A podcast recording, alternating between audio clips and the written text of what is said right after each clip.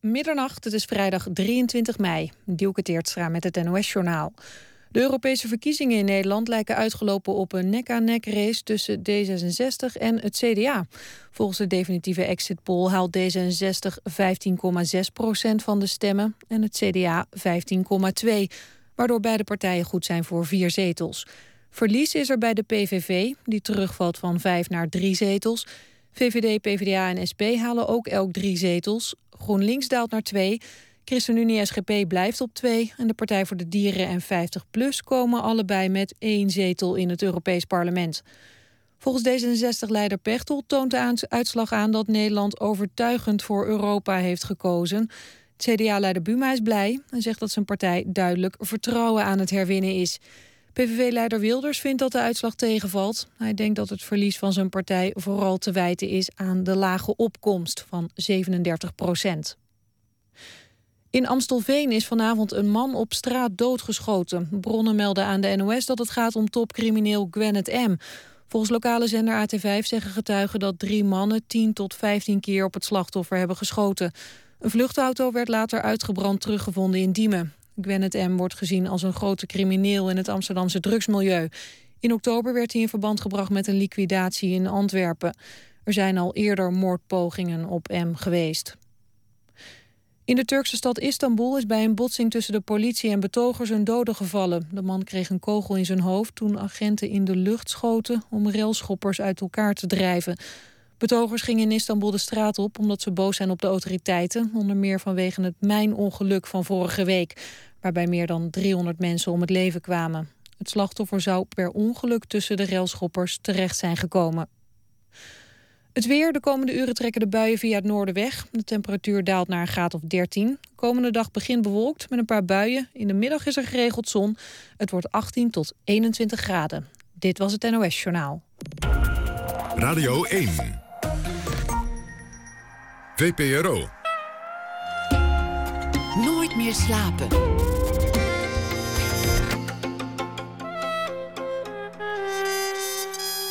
Met Pieter van der Wielen. Goedenacht en welkom bij Nooit meer slapen. Na één uur krijgt u een verhaal voorgedragen en geschreven door Marcel van Engelen. Hij is een van de genomineerden voor de Bob ten L-prijs, de prijs voor het beste reisverhaal. En een gesprek over stoppen met roken en het afscheid van de hardnekkige sigaret. Schrijver Willem Melchior moest de sigaret opgeven toen hij keelkanker kreeg. Hij schreef daar een boek over met de titel De tijd is op. Maar we beginnen met Dave von Raven. Hij is zanger, gitarist en frontman van nederbeatformatie The Kick. Het nieuwe album is net verschenen. De titel daarvan is 2. Kleding, kapsel en montuur van de bandleden laten geen enkele twijfel bestaan. De band is in ruime mate beïnvloed door de muziek van de jaren 60 en dan vooral de Beatles. Als huisband van De Wereld Draait Door. Op festivals, in clubs en in andere gelegenheden maakte de Kick de laatste jaren furoren. En de nieuwe plaat laat ook zien dat ze tot meer in staat zijn. Laat een nieuwe kick horen in veel opzichten, maar ook twijfel laten ze doorschemeren. Meteen in het eerste nummer. Ik wil alles voor u zingen, behalve mijn zwanenzang. Welkom, Dave van Raven. Ja. Is dat echt zo? Is, is er die, die, die twijfel van ja, goh, alles gaat wel goed, maar hoe, hoe lang duurt het? Ja, natuurlijk. Was vooral natuurlijk uh, dat nadat we bij de Wereld Door... daar waren we klaar op een gegeven moment natuurlijk ook als huisband. En toen was het uh, ja, de zaak om aan ons nieuwe album te gaan beginnen. Daar waren we eigenlijk al aan begonnen. Eigenlijk gelijk al na Spring Levert, onze eerste LP. Uh, eh, en dat nummer Zwanen, dat kwam eigenlijk vrij laat in het, in het stadium dat we daaraan bezig waren. Maar dan ga je wel even bij jezelf na dat je denkt van ja, weet je wel. Maar als je je nou zo voorstelt dat je dan dus dat gedaan hebt bij de wereld daardoor, toch wel echt een soort van. Dat was toch wel onze soort big break om het uh, dan maar even voor deze ene keer Engelstalig uit te spreken. En dat je denkt van ja, misschien dat je als je daarmee klaar bent, dat het dan gelijk weer allemaal weg appt, weet je wel. Dat, ja, dat de mensen je dan weer vergeten en uh, dat je weer iets anders moet gaan doen. Dus het, is, was... het is natuurlijk medogeloos in de, in de, in de muziekgeschiedenis. Hè? Artiesten ja. komen, artiesten gaan. Ja, ja, het is heel erg zelfs, weet je wel. En, uh, maar daar ben, ik nog, ja, daar ben ik nog niet klaar voor. En wij allemaal niet, weet je wel. Wij hebben natuurlijk allemaal ja, met elkaar en ook dus afzonderlijk van elkaar... natuurlijk wel dus 25 jaar eraan gewerkt... om op dit punt dan uiteindelijk aan te komen. Bedoel, dus hoe je het went of keert. Iedereen heeft uh, dus in die band in andere bands gezeten... Uh, en in winkelcentra gespeeld en in bejaardenhuizen, in uh, ja, jongere discotheken ergens in de Achterhoek. Weet je wel. Dat heb je allemaal gedaan. En dan op een gegeven moment krijg je een soort podium ja, dat mensen je zien. En dat je, ja, je, ja, dus je daar van je, van je beste kant laat zien. En ja, als dat op een gegeven moment weer afgelopen is, denk je toch even van... ja, misschien dat dit het was, weet je wel. Dus daar was ik wel een beetje, een beetje bang voor in het begin. Dat dat, ja, dat, dat ja, dus misschien zou gaan gebeuren. Is die angst nu, nu geweken? Nu, nu het album uh, nou ja, besproken is en nu de eerste optredens van de tour weer achter de rug zijn? Ja, en nu we ook alweer uh, ongeveer een jaartje er verder zijn uh, van het laatste optreden in de wereld door in de hoedanigheid van, ja, van huisband. dat is ook alweer een jaar geleden. En we hebben ja, sindsdien ja, zijn we volgens mij toch wel redelijk in de picture. Zijn we weet je wel, ja, zo met z'n allen gebleven. En ja, het gaat goed, weet je wel. Het is wel gewoon, uh, ik vind het heel leuk wat er allemaal gebeurt. En uh, ik ben ook wel blij met, uh, ja, met onze nieuwe plaat. Weet je wel, dat het allemaal is gelukt. En dat het niet een soort van, echt weer een soort van kopie werd van het eerste album. Toen moet je natuurlijk ook altijd wel voor uitkijken, weet je wel. Dat het niet een soort van kopie wordt van de eerste plaat. Maar het mag ook weer niet al te pretentieus zijn, weet je Dan word je, ja, dan word je daar weer op afgerekend van... oh ja, nou hebben ze, het, hebben ze de kolder in de kop, hebben ze zogenaamd het licht gezien... hebben van India gezeten een paar jaar... En uh, dan gaan ze nou in één keer een interessante plaat maken. Weet je? Zo is het ook helemaal niet gegaan. Maar ik, vind het, uh, ik ben blij dat het, uh, dat op deze manier heb uitgepakt. Een soort logisch vervolg ja, van de eerste LP. Jullie hebben allemaal een lange muzikale geschiedenis. Je zei het al, 25 jaar in verschillende formaties gewerkt. Op een gegeven moment komt er een punt dat je je stem vindt. Of, of, of, of je, of je stijl, of dat, dat eigenlijk alles samenkomt. Wat was dat moment? Ja, het had eigenlijk uh, gewoon dus met heel veel dingen altijd wel te maken. Weet je, ook uh, met de overschakeling van Engelstalig naar dus Nederlandstalig uiteindelijk. Uh, en eh, ja, hoe is dat gegaan? Ik weet het niet. Dat vind ik een interessant moment. Dat je op een gegeven moment het in het Nederlands gaat proberen en dat het dan aanslaat en anders wordt. Want je hebt natuurlijk jarenlang in, in gewoon Engelstalige formaties gespeeld. Ja, ja, ja. ja en op een gegeven moment kwam ik ook wel achter dat dan ook dus niemand naar je, weet je, dat, dat ook eigenlijk niemand naar je teksten luistert. Weet je, als je in het Engels zingt. Ik bedoel, als je een Nederlandse band bent, dan zijn er heel veel mensen die daar helemaal niet naar luisteren. En uh, ik had toch wel het idee dat we toen we het in het Nederlands gingen doen, we deden eerst een ja, zo'n Nederbeat covertje van uh, wat Ernie, uh, Ernie's Bender en de, en de Robins. En, uh, ja, dat, en dan kon je wel merken dat het dan gelijk aansloeg, weet je wel. Want dan gingen mensen gelijk meezingen en mensen stonden echt te luisteren naar, ja, naar de tekst. Toen dacht ik van, uh, ja, misschien wel heel leuk als we zelf teksten gaan maken. En toen hebben we in eerste instantie op van die soort van obscure van die beatnummers uit Australië, uit India, uit uh, Indonesië, hebben we allerlei Nederlandse teksten gemaakt. Dat heb ik dan gedaan. En uh, ja, dat, ja, maar het ging er eigenlijk in als koek, weet je wel. Dus dat... En het past ook wel bij, bij wat jij zelf luistert en, en bewondert. Want er is in Nederland, we, kennen allemaal de, de jaren tachtig Nederlandse uh, golf. Ja. Doe maar, uh, drukwerk, het goede doel. Heel goed hoor trouwens. Maar er is ook zo'n golf geweest in de jaren zestig. En, en die lijkt af en toe een beetje vergeten te zijn. Ja, de, neder, uh, de nederbeat natuurlijk. Maar dat is muziek die jij al heel, al heel lang luistert. En dit, dit past daar natuurlijk heel goed bij. Mm Ja, nou ja, goed. dat is natuurlijk ook maar heel erg... dat is vanaf 19... Nou, dat zal geweest zijn... Dat is allemaal begonnen in 1963. Maar dat was uh, dan alleen maar Zetsen en de Maskers die dat toen deden. Uh, en vanaf 1966, zeg maar, toen uh, is het, ja, dus bijvoorbeeld met Het. Dat was ook een Amsterdamse band, was dat. En dat heeft eigenlijk maar, heeft dat allemaal bij elkaar, heeft dat maar twee jaar heeft dat geduurd. Echt die, die Nederlandstalige beat. En pas later weer, toen is, ja, is Nederlandstalig weer een soort van hip geworden met Doe maar inderdaad en het goede doel. En, maar er was daarvoor ook wel even een golf in de Sixties natuurlijk dan. Dat het ook even hip was. Maar dat was, maar heel, dat was heel klein hoor. We gaan iets, uh, we gaan iets draaien. Wat, wat zullen we doen? Zullen we luisteren naar uh, een nummer van jullie? Ja, dat gaan we doen. We luisteren naar een nummer van jullie plaat. En later draaien we nog een, een leuk singeltje van, uh, van Nederbeat uit de jaren 60. Maar we beginnen gewoon met het nummer waar we het al over hadden. Zwanenzang. Laten we het doen.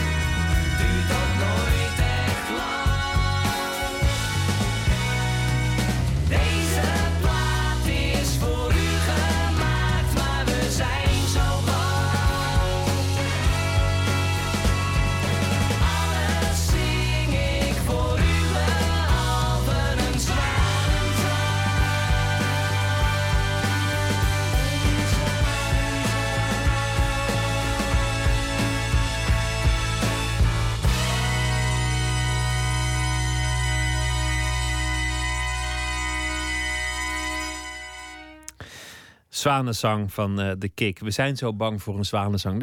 Er zit ook een lekkere gezonde zelfspot in. in uh, ja, in die tekst. Dat is eigenlijk waar we het net al over hadden, weet je wel. Dat je dan toch uh, een beetje bang bent voor dat het einde is.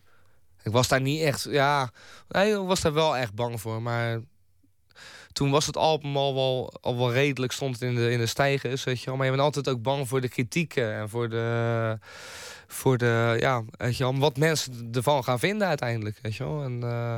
Toch moet je daar volgens mij ook ultiem maling aan hebben. Want, eh, want als je daar te veel mee bezig bent tijdens het proces, ja. ben je verloren. Nou, je moet vooral maken wat je zelf leuk vindt natuurlijk. En dat is altijd wel het uitgangspunt geweest ook. Vanaf dat ik uh, ongeveer ja, nog maar een centimeter groot was, bij wijze van spreken, weet je wel. Maar ja, nee, maar die, maar die zelfspot vind ik ook wel belangrijk, weet je wel. Bedoel, dat moet je altijd houden. Bedoel, als je als band jezelf op een gegeven moment uh, heel erg, echt heel serieus gaat nemen, dat, weet je wel, dat doen we natuurlijk wel, want ja, we moeten er allemaal van leven ook. En weet je wel, maar als je jezelf te serieus gaat nemen, dan, ja, dan vindt niemand het ook meer leuk volgens mij. Dan is het snel klaar. Dan is het zo afgelopen, toch? Ja, denk ik toen je een centimeter groot was, zei je. Ja, dat is heel klein wel. Dat, dat is heel klein. Maar, maar ehm, wanneer, wanneer kwamen die jaren 60 op jouw pad? Want, want jij bent van 1981. Laten we zeggen dat je dan nou, een beetje serieus muziek gaat luisteren op je 10, 11, 12, zo 1993. Ik, ik zou niet weten wat, wat jongeren luisterden in 1993, de, de 12-jarigen. Geen idee. Ja, naar uh, wat, de, de Backstreet Boys ja, of zo. Techno-trends, denk ik. Van, die, uh, van die bandjes had je toen, weet je, van die verzamelbandjes. Maar bij jou was het meteen gewoon de ja, 60s. Ja, ja, ja, het ging eigenlijk heel erg automatisch. Ik ging gewoon, ja, dat is wel een beetje een zo'n klassiek verhaal natuurlijk. Maar ik ging uh, dan dus inderdaad gewoon dus bij ons thuis, bij je vader in de, in de platenkast. en mijn vader die was in in de jaren zeventig was hij uh, van zijn eerste vrouw afgegaan... en heeft daarmee ook al zijn platen die hij die, die uit zijn jeugd had... ook daarmee weggedaan. Die ging een beetje met, met zijn eerste vrouw? Ja, dat ging uit, weet je Of tenminste, die ging uit elkaar. En uh, toen heeft hij al zijn platen, die zijn bij haar denk ik gebleven... want die stonden niet bij ons in ieder geval. Stonden alleen maar bij ons, stonden in de kast van die... Uh, ja, zo van wat de K-tel-achtige beetje zo verzamelplaten met allemaal disco-muziek erop, weet je wel, van die, van die namaakversies. En stond één plaats stond tussen, ja, dus van de Beatles. Welke? Uh, ja, ook een verzamelplaat. Uh, die plaat Oldies but Goldies. Oh ja, dus een, een verzamelaar van de Beatles. En dat, dat ja, was... wel echt uit de 60s trouwens. Die kwam echt net na Sgt. Pepper uit, volgens mij. Als een soort, een beetje als een soort van, een beetje een soort als een LP waar meestal nog wat extra geld, weet je wel, wilde genereren. Maar weet je wel, maar die had die staan een, uh, een Franse persing, weet ik uit mijn hoofd nog. En uh, ja, die, ja, die heb ik toen opgezet op mijn slaapkamer. Ik had altijd al gewoon een plaatspeler op mijn kamer. En daar stond uh, op een gegeven moment, ja, dat die opzette, dus dat gelijk dan zo'n She Loves You erop. Ja, dat vond ik echt gelijk geweldig, weet je wel, toen ik dat hoorde. Dus toen, ja, toen heeft dat nooit meer losgelaten eigenlijk. Ik vond het gelijk geweldig. En dan keek ik ook naar die hoes aan de achterkant, dan zaten ze daar zo beetje aan de sigaretjes te roken. En ja, ik vond het gelijk heel mooi. Eh, dat hele, dat hele gevoel van, van een band. En, ja. Hoe is het eigenlijk mogelijk dat de, dat de Beatles niet verjaard zijn? Terwijl zoveel toch ook wel goede popmuziek ja, op een gegeven moment toch een beetje verjaard ja. is gaan klinken. Of, of het nou, niet echt heeft gehouden. Nou, maar de Beatles hebben dat ook wel natuurlijk. Als je bijvoorbeeld naar Sgt. Pepper luistert, weet je, was best wel een beetje gedateerde LP natuurlijk ja, vind je? Ja, dat vind ik wel. Ja, ja, maar, weet je, maar liedjes zijn heel goed natuurlijk. Maar de hele productie en de, ja, de sitars en de dingen, weet je wel, dat, is wel, ik vind het wel een beetje gedateerd. Maar als je nou bijvoorbeeld iets van Revolver luistert... dat vind ik een plaat die echt die had gewoon er gisteren uit kunnen komen. En is hij nog, nog steeds steengoed. En zoals Pepper ook. Maar toen in 66, toen waren ze echt ja, maar eh, weet je, toen waren ze echt gewoon dus inderdaad ongrijpbaar. Dat zegt Arjan altijd dat de band van toen... Uh, maar, weet je, maar dus, toen leek het wel of zij iets wisten wat, wat niemand anders in de wereld wist. Weet je wel, dat, en dat gevoel, uh, dat is ook wat je, wat je erbij krijgt. Ze hebben natuurlijk in een, in een relatief korte tijd... een soort blauwdruk gelegd voor alles wat, wat popmuziek in de loop der jaren ja. zou zijn. En, en als je terugkijkt in, in zo'n korte tijd. Ja. ja, het is ongelooflijk. En het is ook altijd weer zo goed als ik het draai. Weet je, want ik, weet je, want ik hou natuurlijk van heel veel van die bands uit die periode. Uh, dus ook alle garagebands uit Amerika en ook alle, alle Engelse Mercy groepen, maar ook de latere soort London scene, weet je wel, die later ook natuurlijk uh, van, de, van de Carnaby Street en de Kings, weet je wel, en de Who, maar ook alles wat daar net weer onder zat, die hele freakbeat scene en uh, ja, al die bands die daar in Engeland natuurlijk op dat moment, weet je wel, dus aan het optreden waren. maar als je dan, dus uiteindelijk, als je het allemaal gehoord hebt en je zet dan toch weer de Beatles op, dan denk je van ja man, weet je wel, dat was toch wel dat is gewoon het beste. Dat is het beste wat de wereld ooit overkomen is. Van alles trouwens. Van alles eh, gewoon. Ja, en Bach vind ik ook heel mooi. Bach, Bach, Bach en de Beatles. Ja. ja. ja.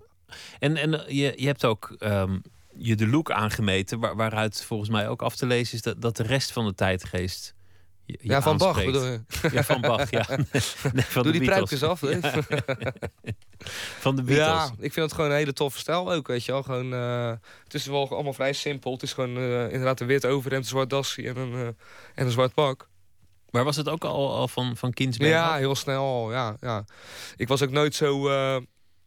ja, dat je met een soort van t-shirt gaat lopen van een band of zo.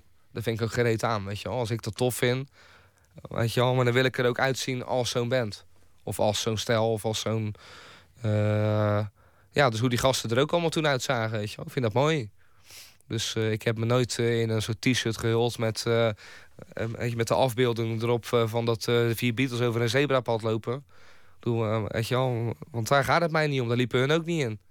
Weet je wel, die gaan niet in een shirt lopen met eigen kop erop. Of met een, met een zebrapad of met een, dat ze over een flatgebouw heen kijken. En Weet je wel, dus ik had altijd zoiets van ik wil eruit zien zoals die gasten eruit zien.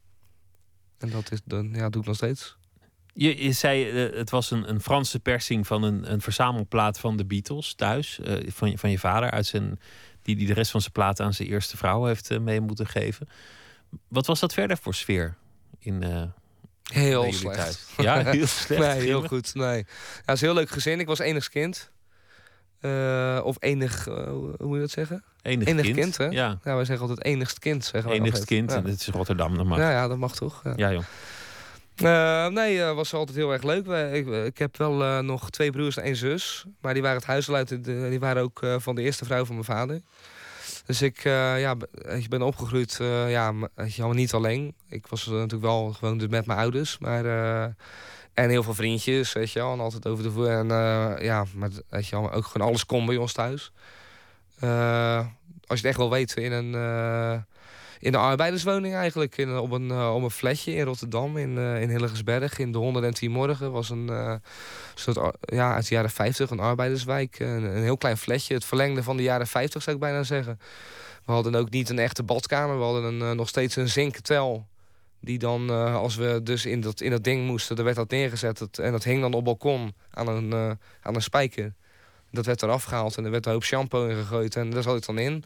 Met, met een borstel. Uh, ja, dat, dus in die tel mijn eigen zat te wassen, weet je wel schrobben. En, en hoe kwam de muziek dan in je leven? Werd, werd dat van huis uit gestimuleerd van hier heb je een gitaar? Of? Ja, nee, ja, nou, ja, nee, eigenlijk niet. Het ging wel redelijk vanzelf. Ik uh, had uh, als kind, toen ik echt nog heel klein was, toen... Uh, mijn eerste aanraking met, met muziek was in de stad. We gingen, elke zaterdag gingen we naar de markt. dat was echt gewoon dus vaste prik altijd. En dan stond er altijd, ja, zo'n draaiorgel stond er altijd, weet je wel. En dat vond ik als kind heel erg mooi. Ik wilde ook altijd aan de achterkant kijken hoe dat dan... Uh, want al die kleuren had ik niet zoveel, echt, had ik niet zoveel interesse in. Het ging mij om de achterkant. Dat je dat hele soort mechaniek dan zag. En dat wiel wat draaide en dat boek wat er doorheen schoof. En dat uh, ja, vond ik altijd heel mooi. Dus op een gegeven moment ging ik als kind... En toen was ik echt een jaar of vier of vijf of zo... ging ik al naar, ja, naar zo'n singeltjes op de markt zoeken... Van, uh, ja, waar draaiorgelmuziek op stond. Omdat dat het enige was wat ik kende toen. Weet je wel? ja, want dat was voor mij dus inderdaad muziek. En uh, daar heb ik toen heel veel van verzameld. En op een gegeven moment gaat dat weg, want dan leer je echte muziek kennen. En dan ga je natuurlijk uh, weer naar andere dingen luisteren. Maar uh, dat was wel de eerste aanraking ermee in ieder geval. Ja. En met zelf spelen? Ging je op les? Kreeg je pianoles? Ja, of, ja, of, nou ja, mijn opa die, die is op een gegeven moment overleden. Die had dus inderdaad in de huiskamer had hij altijd ja, zo'n groot piano staan. En uh, ja, daar ging ik altijd achter zitten. En dan, en, en, dan zeggen ze van je familie natuurlijk van... oh, kijk eens hoe muzikaal die is. Want, uh, maar dat doet natuurlijk elk kind. Die wil natuurlijk achter een piano zitten... omdat ze zo'n ding ziet staan. Ja, dan ga je daarachter zitten en er kon ook niks. Maar hij ging dood op een gegeven moment. En toen was het dus wel duidelijk dat, eh, dat ik dan degene was van de familie die dat ding zou krijgen. Dus die heb ik toen van hem gehad. Of tenminste, ja, die, die is toen op een gegeven moment in ons huis neergezet.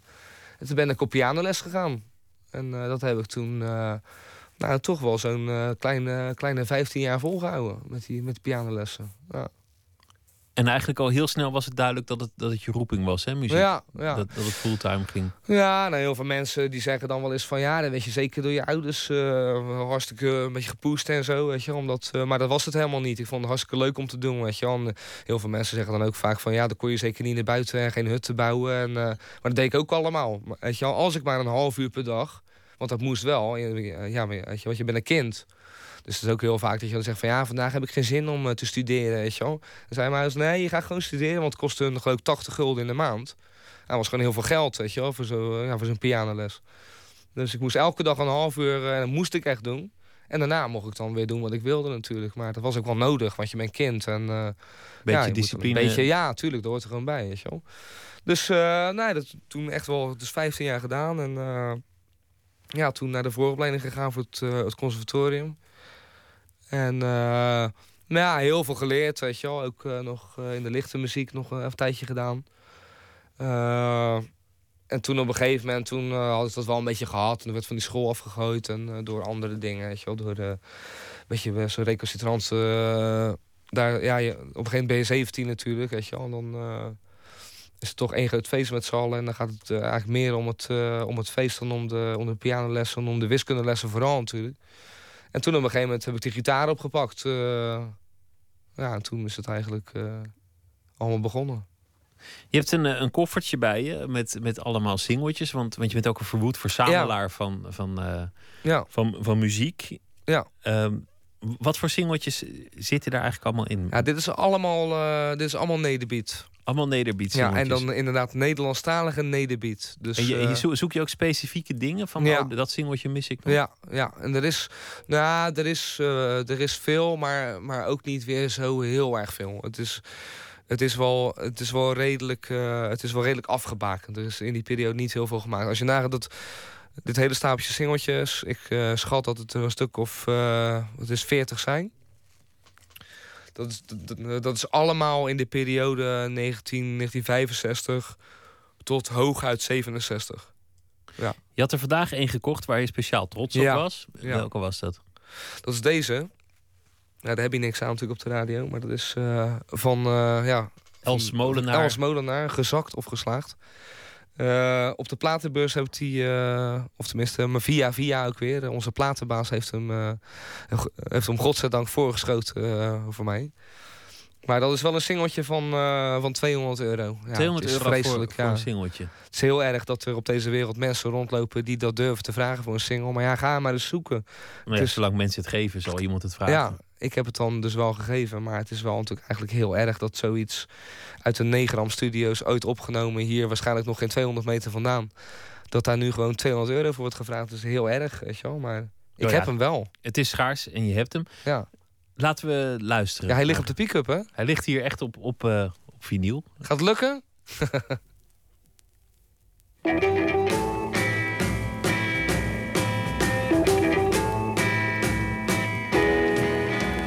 gezakt of geslaagd. Het kan me niks meer bommen, zonder dat papiertje zal ik ook wel verder komen. Dus gezakt of geslaagd, ik zit er niet meer mee.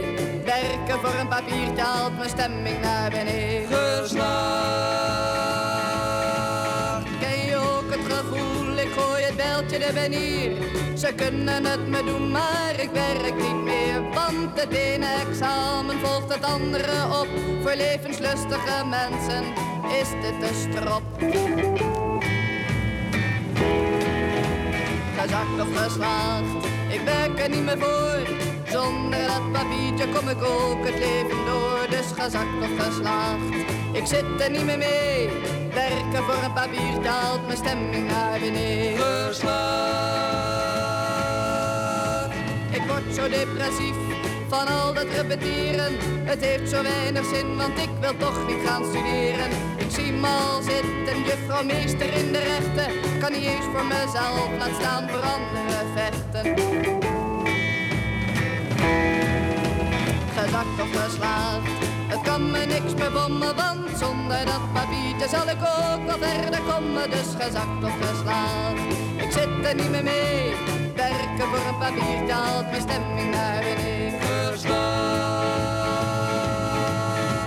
Ik zit op mijn kamer en voel me alleen met al die stapels boeken om me. Al zit ik hier nog maanden, ik krijg het er niet in. Ik ben nog net zo ver als in het begin. Gezakt of geslaagd, het kan me niks meer bommen. Zonder dat papiertje zal ik ook wel verder komen. Dus gezakt of geslaagd, ik zit er niet meer mee. Werken voor een papiertje haalt mijn stemming naar beneden. Oh, gezakt of geslaagd. Het kan me niks verdommen, want zonder dat papiertje zal ik ook wel verder komen. Dus gezakt of geslaagd. Ik zit er niet meer mee. Werken voor een papiertje haalt mijn stemming naar beneden. Ja, werken voor een papiertje haalt mijn stemming naar beneden. Oh, werken voor een papiertje haalt mijn stemming naar beneden. Ja, toepasselijk, want eh, mei is natuurlijk ook altijd de maand van de, de eindexamens. Ja. Er zitten, zitten heel veel ouders en eh, leerlingen in de stress erover. Een anti- Ja. een anti-schoolnummer. Ja. Vind ik ook wel leuk omdat die, die sfeer van de jaren zestig in zich heeft. Hè? Dat, Ja, dat heel erg. Ja. protest, dat recalcitrant. Ja, ja. Ja, het is voor mij niet anders eigenlijk. Ik heb eh, dan voor mezelf... Ik, ik, ik, ik heb eigenlijk nooit eindexamen gedaan. ik weet niet eens wat het is eigenlijk. Nou, je bent toch nog wel terechtgekomen. Ja, maar dat is ook waar het nummer over gaat, weet je wel. Daarvoor is het ook wel leuk. Het is natuurlijk heel erg naïef. En, eh, maar dat- is het ook wel een beetje, weet je wel. Zo geldt het voor mij ook wel een beetje. Ik bedoel, als je uiteindelijk weet... als je op een gegeven moment een jaar of 16 bent... wat je wil gaan doen, dat wist ik op mijn twaalfde al... eh, dan, ja, dan hoef je ook niet in de boekjes te lezen. En het, en het interesseert hem allemaal wel, maar eh, wel de dingen die ik uitkies. Weet je wel, bedoel, en, eh, weet je wel, en niet wat je wordt opgedragen in een, een of ander kutexamen, weet je wel. Dus uiteindelijk, ja, als je, weet je, als je weet wat je wil en je hebt daar zoveel enthousiasme voor en dat het echt heel erg eh, maar zo dicht bij jezelf is, dan, eh, dan hoef je niet echt door te leren, toch? Tenminste, voor mij geldt dat. Nou, ik heb, ik heb altijd netjes met mijn papieren gehad. Maar ik denk achteraf ook, wat heb ik nou eigenlijk geleerd op die hele school? Ja, Ja, ja. ik bedoel, een paar uur Wikipedia en je hebt je Ja. hele eindexamen bij elkaar. Nou, ja, ja, ja, inderdaad. Maar het, ja, het is voor mij, eh, voor mij is het wel goed dat er van dat soort opleidingen zijn, weet je wel. Zo'n Nee, nee, rockacademie en dat soort dingen, weet je wel. Dat er wel iets is, dat je in ieder geval wel wat te doen hebt, weet je wel. Dat je niet op je nest gaat liggen en, weet je wel, dat je wel onder de mensen bent. En eh, dat, is voor, dat is voor mij nog het belangrijkste. Dat je daar mensen gewoon dus allemaal leert kennen en dat je daar iets mee doet. En eh, dat je die dan dus na tien jaar eh, misschien nog wel eens ziet. En weet je wel, daar is het wel goed voor, volgens mij. Volgens mij is school ook, eh, ook voor een groot deel een disciplineringsinstituut. En wat je er leert, Heel erg. Ja. dat, dat is, dat is Ja. meer om, om de tijd intussen Ja. te vervolmaken.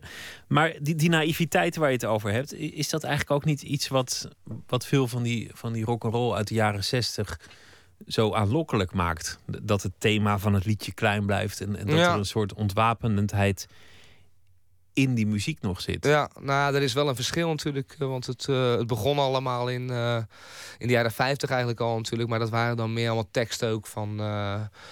ja, van dus laat me gaan en toen vraag me niet, dit moet het einde zijn. Definitief, weet je wel. Van dat soort... Of over Patsy of over een teenage meisje, weet je wel. En dat was meer ons eerste album. Was meer over Simone, weet je wel. Meer van eh, Simone, weet je wel. Ja. gewoon over meisjes en over, over verliefdheid en over relaties. En dan vooral over het, eh, over het, eh, ja, over het falen daarvan, weet je wel. En, maar later, toen kwam ik erachter dat je dus ook wel gewoon teksten kan schrijven over andere dingen. Over een kat of over een hond of over een, over een auto, weet je wel. En het geldt in de 60s ook, weet je. Op een gegeven moment gingen ze vanaf, nou, zo ongeveer 65... Toen gingen ze ook allemaal nummers schrijven over, over pap en over... eh, ja, weet je wel, dus over dingen die eigenlijk nergens over gaan. Bijvoorbeeld deze van het, kun je nagaan. Nou, dat gaat nergens over. Kun je nagaan? Ja, ja precies. Maar het is, wel een, het is hartstikke leuk en het ziet er ook goed uit. Als je het zo ziet, kun je nagaan. Want dat, dat is toch iets wat je heel vaak zegt ook van... eh, ja, dus ik kwam daar, weet je wel, daar bij die gozer en dan had hij niet eens bier. Je nagaan? nagaan. Ja, dat lijkt, me vooral iets, iets Rotterdams. Dat, eh, ja, maar het is een Amsterdamse single natuurlijk dit. Ja. Van het. Ja.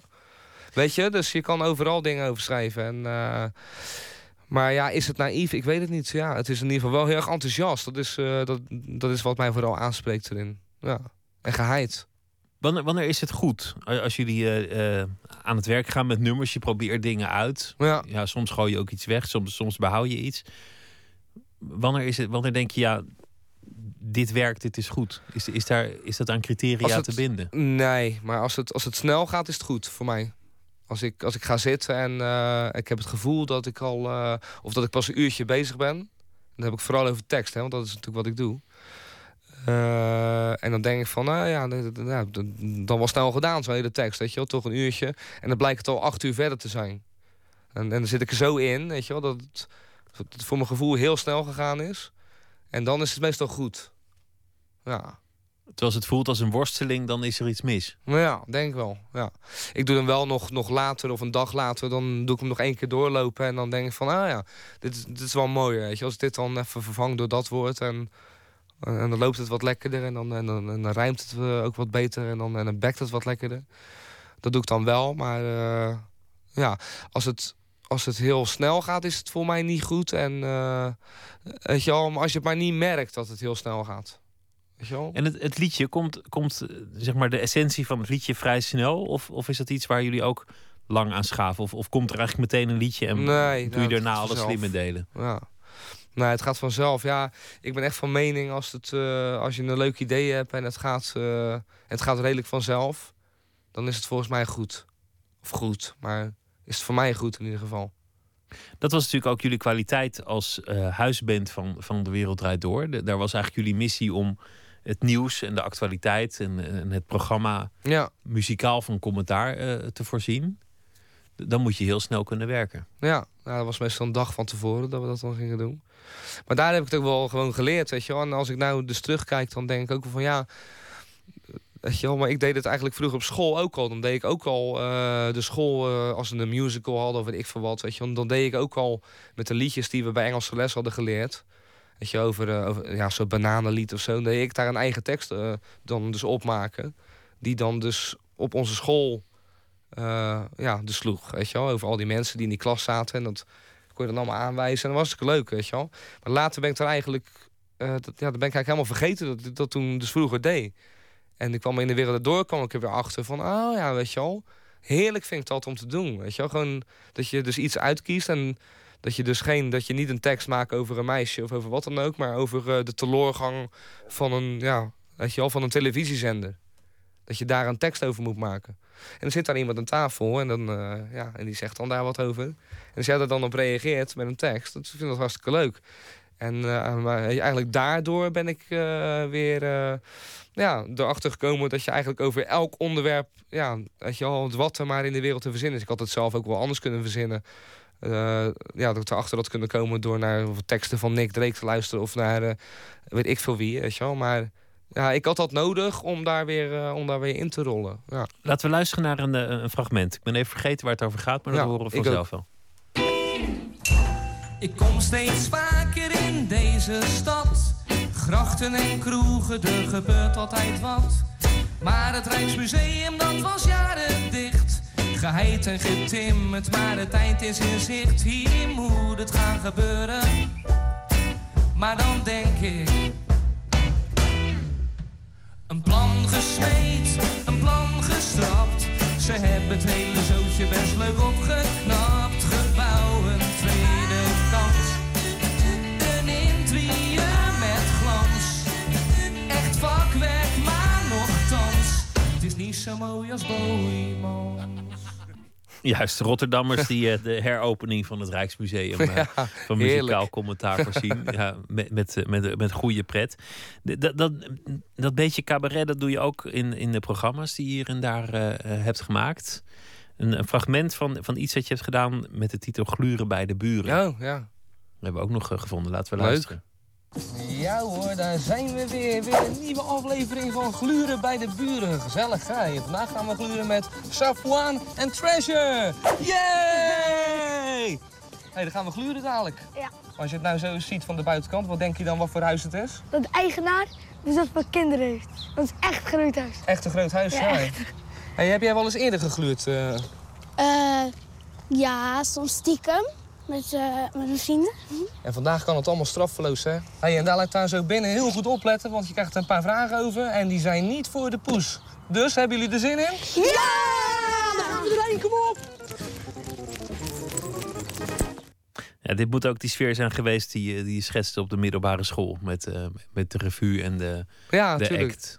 Ja, ik vind het heel leuk en zeker met die kinderen natuurlijk. Ik vond het heel leuk om te doen ook. eh.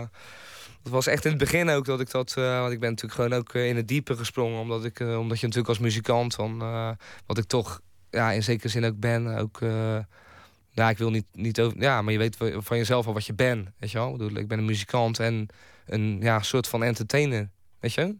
Maar het hoort ook bij jullie optredens. De- de- daar Ja. wordt, wordt veel lol gemaakt tussendoor. Ja, ik vind het belangrijk. De ene avond meer dan de ander, lijkt het. Sommige avonden is het gewoon, gewoon meer seks spelen... en andere Ja. avonden meer, als het niet goed gaat, hè? maken. Ja.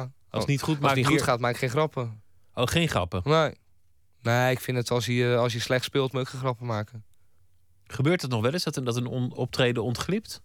Ja hoor, tuurlijk. Dat je de zaal verliest of, of, of, of dat Nou ja, nou, dat niet meer zo vaak. Dat, ik weet het wel, of tenminste, ik denk dat we het wel, eh, wel weten te redden altijd. Maar soms speel je gewoon slecht, weet je wel. Ik bedoel, eh, En dan geen grappen, dat vind, ik- dat vind ik interessant. Ja, Omdat vind ik moeilijk. Veel, Ja. veel bands gaan grappen maken juist om, Ja, omdat de versterker niet werkt of, of dat soort dingen. Nee, maar ik vind, eh, ja, ik vind eigenlijk zelf dat je pas grappen kan maken als je ook steengoed speelt. Weet je wel, dan... eh, Dan is het in balans. Ja, ja, ja, ja. Maar ja, het is ook niet echt, het is ook niet echt te grappen maken. Maar we hebben ook echt wel een leuke groep, weet je wel. Het is ook zo dat eh, het zijn niet allemaal grappen die zijn ingestudeerd. Ik bedoel, eh, ja, hier en daar wel eentje natuurlijk die elke keer weer langskomt.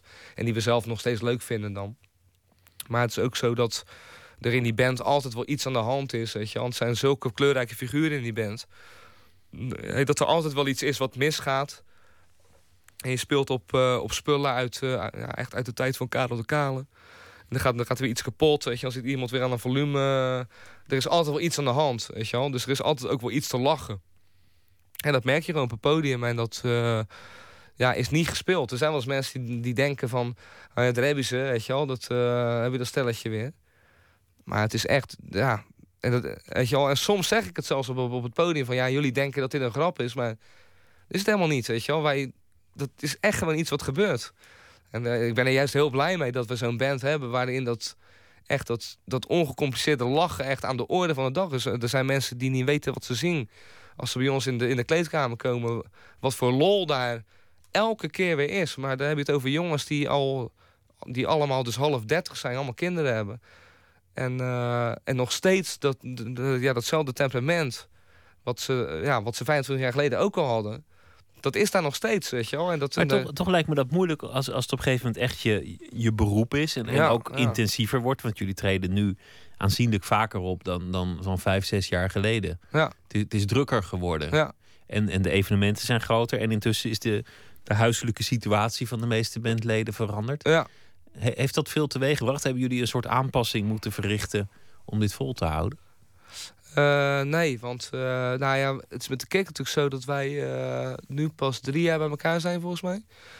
En dus al die hele veranderingen die zijn al, ja, al eerder doorgevoerd. Toen dus we nog de- een andere band zaten. kwamen bij elkaar toen iedereen al Ja, huisvader was. ja, dus al die bands zijn op een gegeven moment ja, de stuk gegaan weet je wel, door die veranderingen.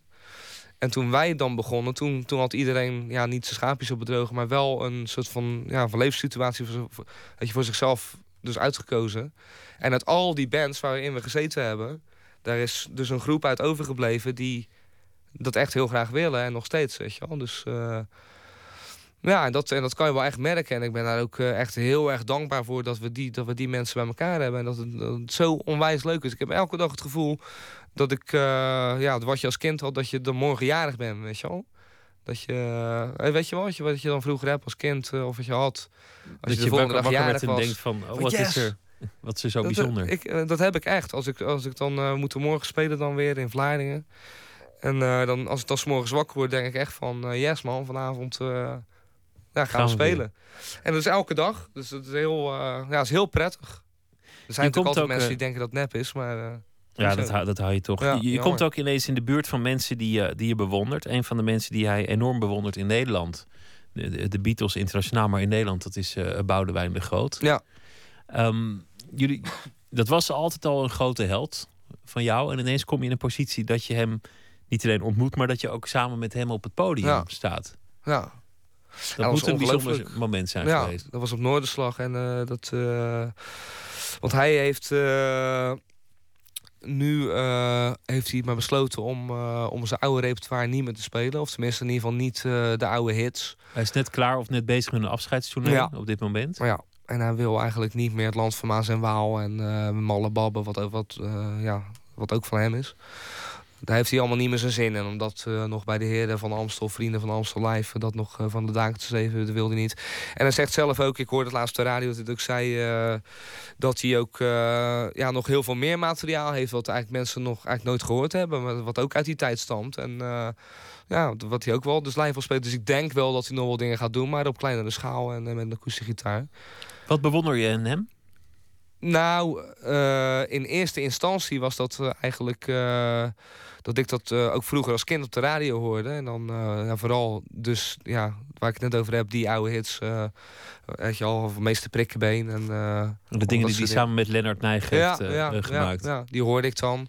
En ik vroeg dan aan mijn moeder van, ja, die man van... want ik, ik kon het helemaal niet verstaan. En toen zei ze van ja, dat is, uh, ja, dat is die en die, weet je. Want toen heb ik zo'n verzamelplaats gekocht. En uiteindelijk, uh, ja, dan ga je toch uh, er iets in verder. En dan koop je voor de overlevenden, de tweede plaat. En daar was ik gelijk helemaal, was ik helemaal verliefd op, op die plaat. Ook een hele goede soort kinderplaat. Ik bedoel, weet je wel, het is, ja, het is niet zo dat het voor kinderen gemaakt is. Maar het is heel sprookjesachtig allemaal, weet je wel. Met over kabouters en over... Weet je wel, en pas later dan hoor je dat het over, over drank gaat en over, over meiden. En, weet je wel, en dat hoor je pas als je 16 bent. Dus ik vond gewoon als kind al heel mooi. En toen vond ik het ook heel mooi toen ik in de, in de, op een gegeven moment in de puberteit kwam. Want toen ja, ging ik het echt snappen. En toen vond ik het, uh, ja, dan, ja, dus nog later vond ik het ook weer mooi. En ik vond het gisteravond vond ik het ook nog mooi, weet je wel. Dus het is echt uh, ja, voor mij heel erg, uh, weet je wel, maar echt iets wat gewoon nooit weggaat. Net als de Beatles eigenlijk.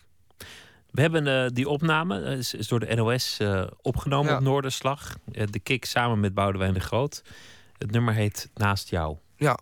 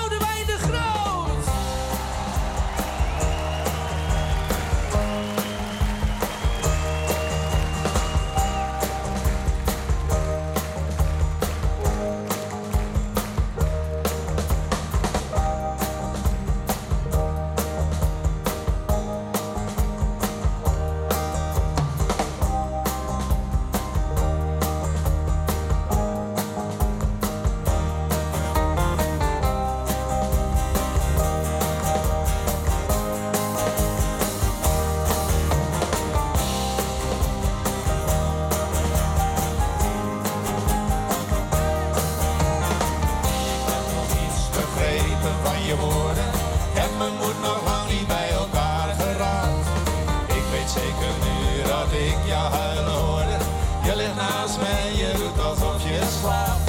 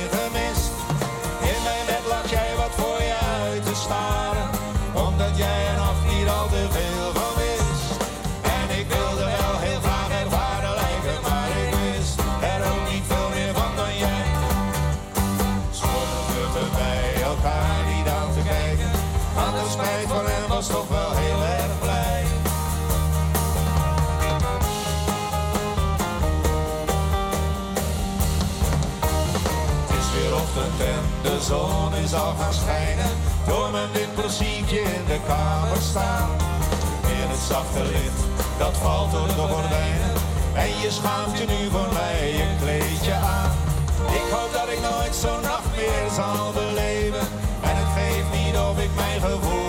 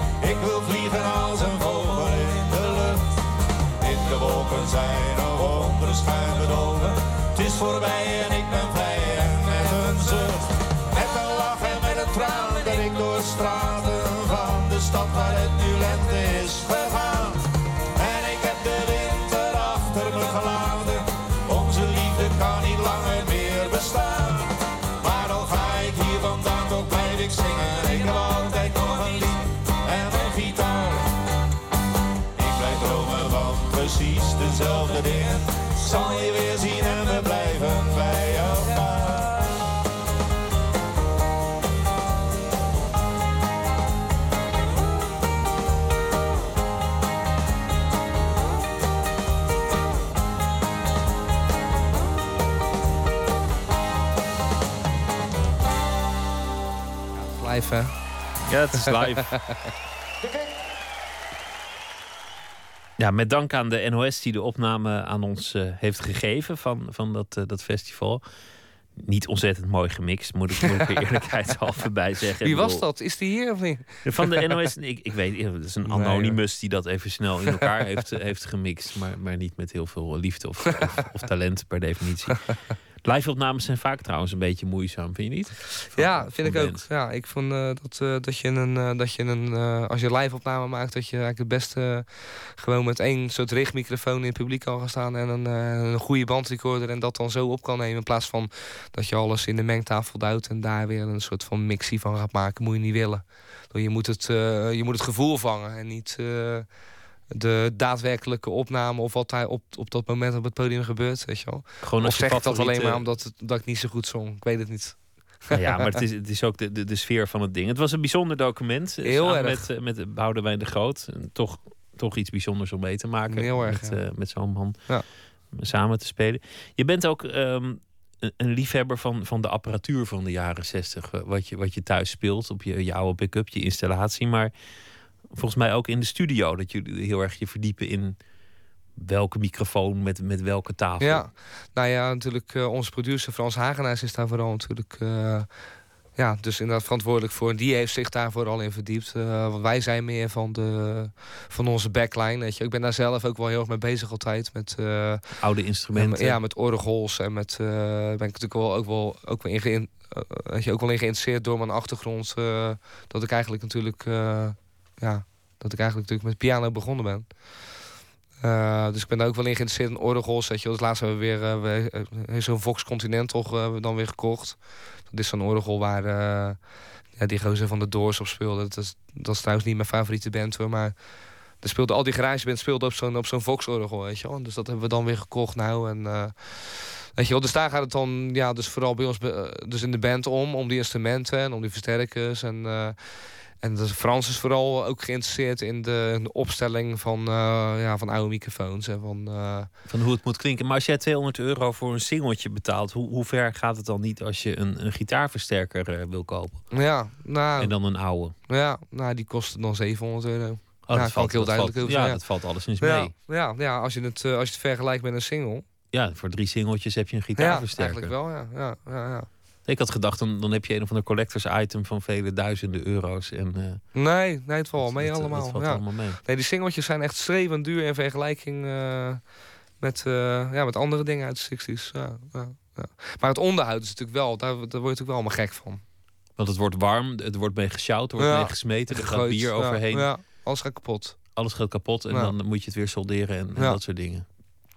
Maar het zijn wel dingen die het, eh, die het natuurlijk, als je het onderhoudt, dat het ook gewoon dus eeuwig blijft doen. Je, eh, weet je wel, dat doe je natuurlijk al gewoon ja, een mensenleven lang en nog langer mee. Eh, als je tegenwoordig een dvd-speler koopt natuurlijk... dan kan je, ja, dan kan je natuurlijk even een jaar mee doen. Dan gaat hij stuk. En dan breng je hem weg. En dan zeggen ze, ja, ik kan beter wegrotten, want Ja, is op. De cultuur van repareren is voorbij. Ja, jammer is, vind ik dat. Je bent weg uit Rotterdam. Dat, dat vond ik ook eh, Ja. wonderlijk om te horen. Want Ja. jullie zijn een soort iconen van, van de stad Rotterdam Ja. geworden inmiddels. Maar ja, aan de andere kant is het helemaal niet waar. Want ik was toen eh, ja, dus nog de enige Rotterdammer in de band. Die jongens komen allemaal uit Brabant. En, en, en zelfs eentje uit Veenendaal, of all places. Dus zo Rotterdams was het allemaal niet. Nee, helemaal niet. Maar wij hebben, je wel, dus nog wel steeds ons, ons ja, soort hoofdkwartier hebben we nog steeds in Rotterdam. Onder de boogjes op de Hofpleinlijn, de oude Hofpleinlijn. Eh, ja, waar we zo'n zes keer in de week bij elkaar eh, gewoon komen, weet je wel. Of eh, ook soms minder hoor, en ook soms meer. Om te oefenen. Om te oefenen en om, ja, om, om gewoon dingen te doen, weet je wel. Om, om factuurtjes te schrijven. Ja, je- weet je wel, je moet Ja. alles doen natuurlijk, Ja. uiteindelijk. Maar, dus het is nog steeds Rotterdams. Maar ja, weet je wel, er zijn ook wel eens mensen die lopen dan weer te zeiken van... ja, je bent niet eens echt Rotterdam, maar ik heb natuurlijk mijn hele leven daar gewoond. Weet je wel, en nu woon ik in Delft, want ja, daar was een huisje vrij. Nou ja, Delft, Rotterdam, waar hebben we het over? Dat is een kwartier met de trein. Het is de fietsenstalling van Rotterdam, hè? Delft is de fietsenstalling van Ja, dat Rotterdam. zeggen ze altijd. Ja. Het is in de buurt. Hoe gaat het, hoe gaat het verder met, met de kick? Want ehm, zo'n project met Boudewijn de Grote, dat zou natuurlijk een mooi eh, vervolg zijn. Ehm, platen die zijn opgedragen aan jullie iconen zou natuurlijk een, een mooi nieuw project kunnen zijn. Ja. Eh, bepaalde tributes. Je bent bezig geweest met Annie M.G. Smit. Hebben, hebben we het nog niet eens over gehad. Met, Ja, met eh, geweldig. Leonard Nijg en eh, de Beatles. Ja. Er zijn natuurlijk heel veel potentiële pro- projecten die, die jullie Ja. zouden kunnen gaan doen. Nou, dat willen we ook allemaal doen. Allemaal gewoon doen. Ja, ik denk het wel. Maar, eh, maar ook niet vergeten dat we ook nog onze eigen identiteit hebben. Dat hebben we nou natuurlijk met, dat, met het tweede album gedaan. En ik wil dat nog wel iets verder, eh, wil ik dat nog wel doortrekken. Ik wil daar wel mee verder op die voet, weet je. Maar je moet ook inderdaad nooit vergeten wie, je- wie je helden zijn. En eh, ik ben daar ook helemaal niet eh, ja, vies van om dat, eh, om dat altijd vol te houden ook, weet je wel. Dus we doen ook in de theaters weer dan... eh, ja, doen onze show, eh, eh, de veelste grote Nederbeat Show. Eh, en dan doen we allemaal dit soort nummertjes, wat we net draaiden ook van Els Molenaar.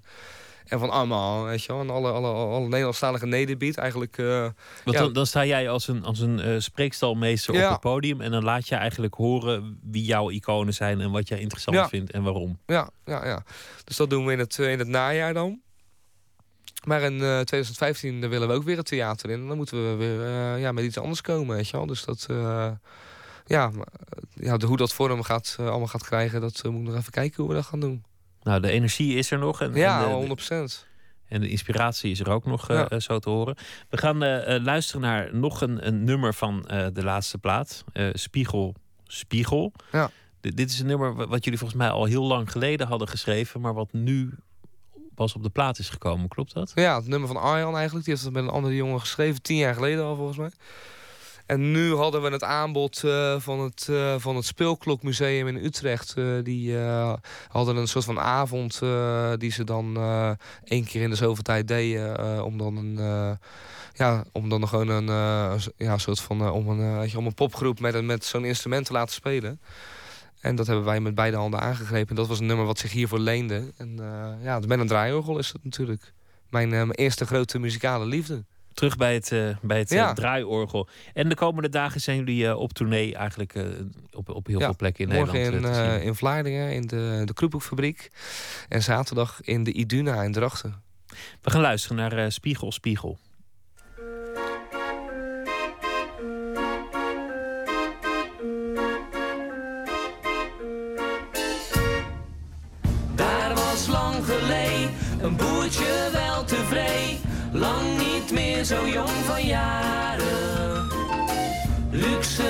Gewend, een spiegel nooit gekend.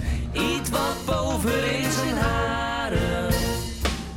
Tot hij op een dag aan het spitten was. En dat kleine stukje glas vond. En zo waar versteld stond. Want hij zag een man en hij keek een man. Zijn vader die wist niet wat hij zag, was totaal van slag. En hij stak het in zijn stofjas. Aan zijn vrouw Katrien liet hij het mooi niet zou denken dat hij gek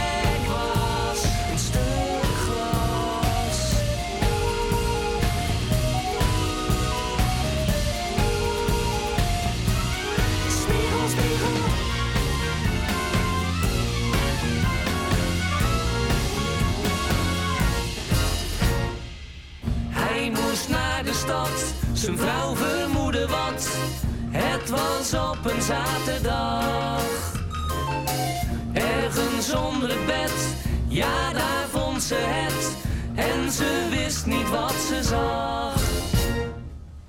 Ja, ik wist het wel, een andere vrouw in het spel. Hij heeft geen hart in zijn lijf. En dan ook nog met zo'n lelijk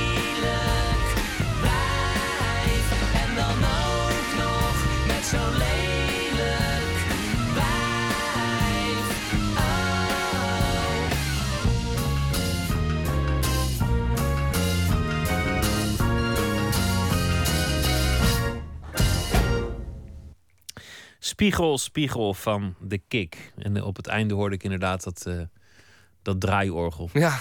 Ja, je moet ervan houden. Ik, ik heb heel lang eh, naast een winkelstraat gewoond. En er stond dat ding elke zaterdagochtend onder mijn raam. Ja. En Ja, dan kan ik me voorstellen dat het... dat de liefde voor het draaiorgel nooit heel ver komt. En dat er nooit dat, dat zaadje in je hart ontspringt van liefde voor Nee. de draaiorgel en zijn bespelers. Ja, nou ja, goed. eh, hè? Wat kan verkeren, hè? Wat dat. Het kwam verkeren. Het was Ja, leuk. die gaat het eh, ooit nog wel eens begrijpen, denk ik. het- het- de, de ware liefde voor het Je draaiorgel. snapt het gewoon niet. Ik snap het gewoon niet. Nee, nou ja, oké. Ik heb een verrassing voor je. Hier is die. Een draaiorgel. Een draaiorgel. Onder je raam morgenochtend half negen. Dave van Raven, dankjewel. Leuk dat je te gast wilde zijn. Ja, was heel leuk. Dankjewel daarvoor. Succes met, eh, met, met de optredens en met alle dingen die jullie gaan doen. En de Yes. promotie van het album 2 van The Kick. Dankjewel. Dankjewel.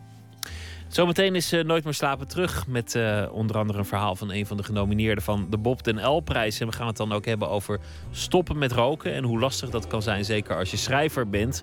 Want eh, schrijven en nicotine, dat lijkt op de een of andere manier toch een eh, warme combinatie. Op Twitter kunt u ons vinden, @vpro_nms of via de mail nooitmeerslapen@vpro.nl. Graag tot zometeen.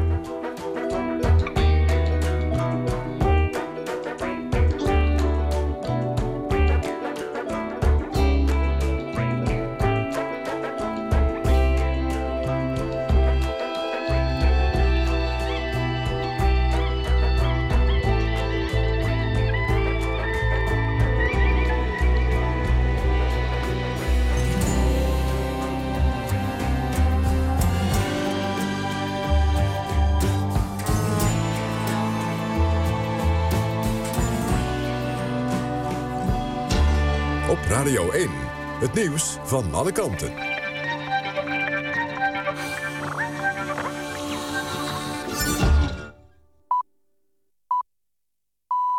1 uur, Dielke Teertstra met het NOS-journaal. D66 en het CDA lijken bij de Europese verkiezingen de meeste stemmen te hebben gekregen. Volgens de definitieve exit poll zijn beide partijen goed voor vier zetels. De PVV valt terug van vijf naar drie zetels. VVD, PvdA en SP halen ook elk drie zetels. GroenLinks daalt naar twee. ChristenUnie SGP blijft op twee. En de Partij voor de Dieren en 50PLUS komen allebei met één zetel in het Europees Parlement. D66-leider Pechtold reageerde blij. De uitslag toont volgens hem aan dat Nederland overtuigend voor Europa heeft gekozen. PVV-leider Wilders is het daar niet mee eens. De lage opkomst van 37 procent getuigt wat hem betreft niet van warme gevoelens. In Groot-Brittannië werd de afgelopen dag ook al gestemd... maar daar worden geen exit polls of voorlopige uitslagen gepubliceerd. De definitieve uitslag volgt pas zondagavond... als alle EU-landen hebben gestemd. Om 11 uur gaan de stembureaus in Italië dicht... en dan mag de uitslag naar buiten worden gebracht. In Amstelveen is een man op straat doodgeschoten. Bronnen melden aan de NOS dat het gaat om topcrimineel Gwennet M. Getuigen zeggen tegen stadszender AT5 dat drie mannen 10 tot 15 keer op het slachtoffer hebben geschoten. Een vluchtauto werd later uitgebrand teruggevonden in Diemen. Gwennet M. wordt gezien als een grote crimineel in het Amsterdamse drugsmilieu. Hij wordt in verband gebracht met een reeks liquidaties, onder meer die in de Amsterdamse staatsliedenbuurt eind 2012. De afgelopen maanden overleefde M twee keer een moordaanslag. Volgens de Verenigde Staten heeft de VN-veiligheidsraad sancties tegen de islamitische terreurorganisatie Boko Haram goedgekeurd. Nigeria had de VN gevraagd om Boko Haram op de lijst van terreurorganisaties te zetten. Die worden gelinkt aan Al-Qaeda. Ook wordt een wapenembargo tegen Boko Haram afgekondigd en worden banktegoeden bevroren.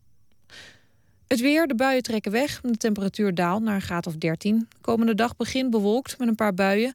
In de middag is er geregeld zon. Het wordt 18 tot 21 graden. Dit was het NOS Journaal. Radio 1. VPRO. Nooit meer slapen.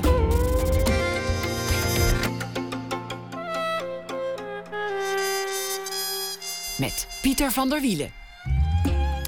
Goedenacht, u luistert naar Nooit meer slapen. We beginnen het tweede uur als altijd met een schrijver die we iets laten schrijven op basis van iets dat die dag is gebeurd in de wereld of in het leven van de schrijver zelf. Deze week doen we dat elke dag met een van de genomineerden voor de Bob den L-prijs, een jaarlijkse prijs voor het beste reisboek. En vannacht is het schrijver en journalist Marcel van Engelen genomineerd vanwege het boek Het Kasteel van Elmina, waarin hij naar de kust van Ghana trekt, waar eeuwenlang Nederlandse slavenhandelaren actief waren. Bijna drie, drie eeuwen lang, van 1612 tot 1872, bezat Nederland een tiental forten aan de toenmalige Goudkust in dat huidige Ghana. En de belangrijkste was het kasteel Elmina. Goedenacht, uh, Marcel. Goedenacht. Een verhaal schrijven voor ons, dat was uh, de opdracht. Op basis van iets dat vandaag is gebeurd. Waar is het over uh, gegaan? Ja, het gaat over iets kleins. Uh, maar wel met een grote geschiedenis. Ja, ik zeg dat even omdat er natuurlijk het de dag is van de Europese verkiezingen. Maar daar wilde ik het niet over hebben. Ik wil het hebben over Zwarte Piet. En en tegelijkertijd een connectie maken met het aankomende WK voetbal in Brazilië. Oké, nou dat klinkt interessant. Ja. Um, ja, draag maar voor, dat is misschien het makkelijkst. Oké. Okay. Um, wat dan wel goed is om te weten, dit uh, gaat over uh, graaf Johan Maurits. Hij was de uh, Nederlandse gouverneur in Brazilië. En Nederlands-Brazilië, dat was een, een kolonie in het begin van de 17e eeuw, vanaf 1630. En um, deze deze, de Braziliaan, zoals hij werd genoemd, uh, de, de, gouverneur van, van, van Nederlands-Brazilië, hij, hij, is een beetje de belichaming van hoe wij over slavenhandel zijn gaan denken. Want aanvankelijk was Nederland tegen de slavenhandel, want dat was iets, het was een zonde, dat deden alleen de katholieken. Een, een echte christen die deden daar natuurlijk niet aan. Maar deze Johan Maurits die heeft dat, dat eigenlijk een draai gegeven en daar gaat het over. Um, dat was even de, intro okay. dat was even de introductie. Ik, uh, ik begin nu met mijn, uh, met mijn stuk dat ik heb geschreven. Ga je gang. Oh, dit land. Dit heerlijke nieuwe land. Vanmorgen, sto Vanmorgen stond ik aan de oever van de Rio São Francisco. Aan de overzijde liepen enkele koeien te grazen. En verder was er geen ziel te bekennen, zover mijn oog reikte.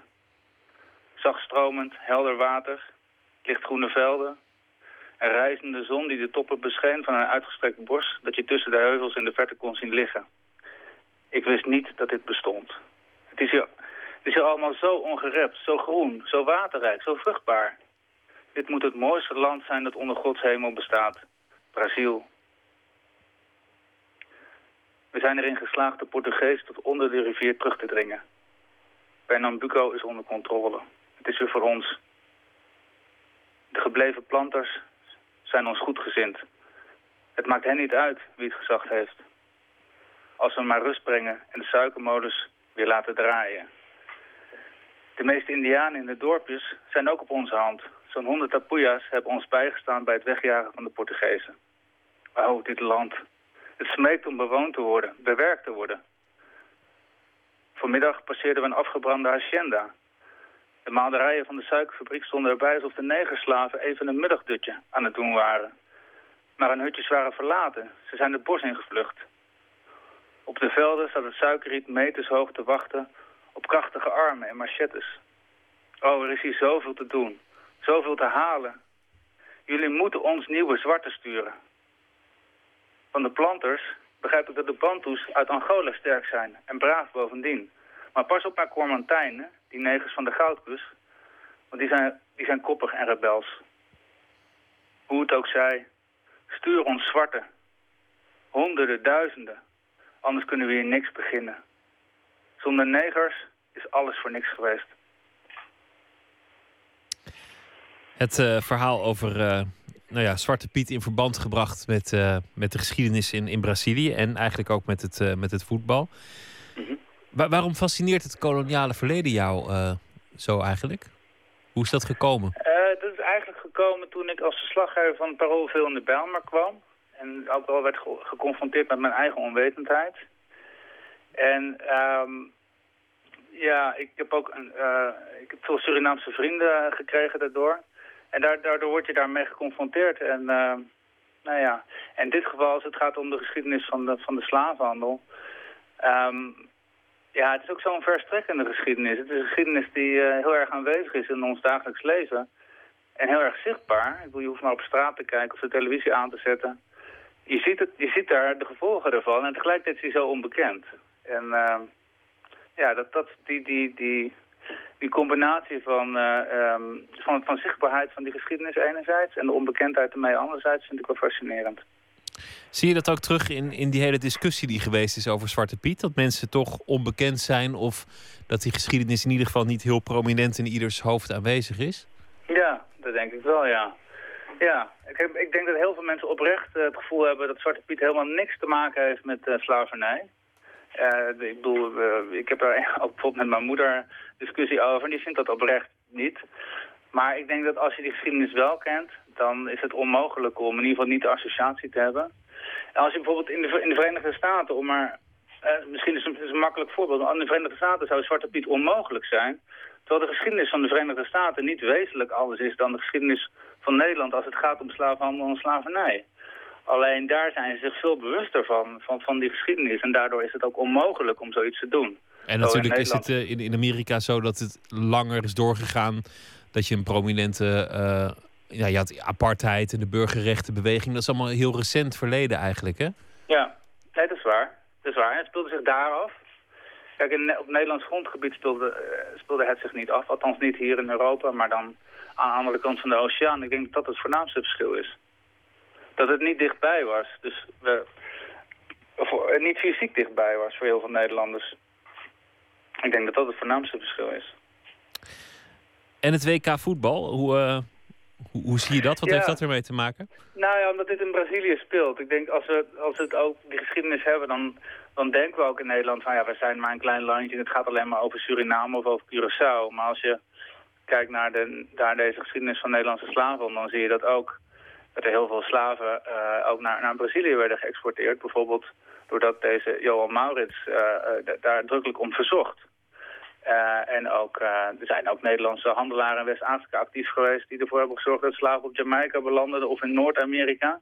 Dus op die manier is, is, die, is die, ook die Nederlandse geschiedenis veel, die strekt zich veel verder uit dan, dan Suriname of de Antillen.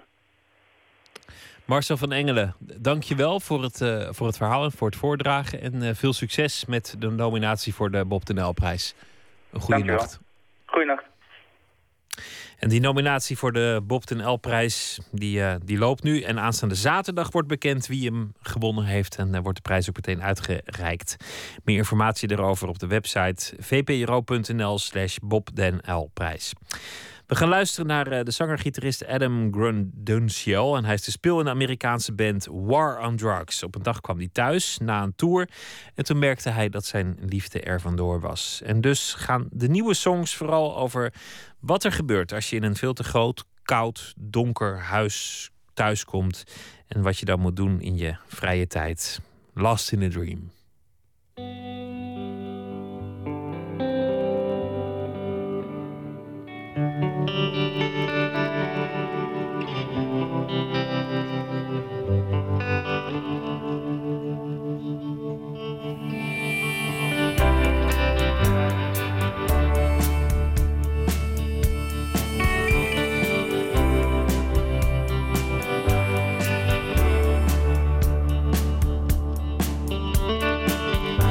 lost in the dream, or just the silence of a moment.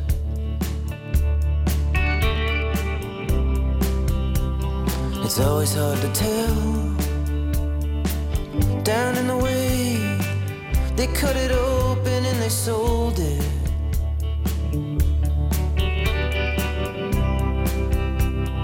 It's always hard to tell.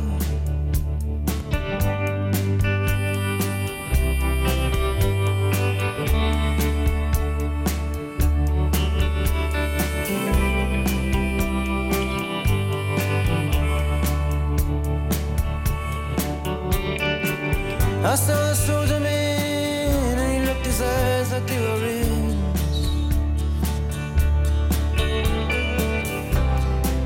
Ooh, but it's hard, I can't resist. You may risk it all, you'd risk it all for the memory.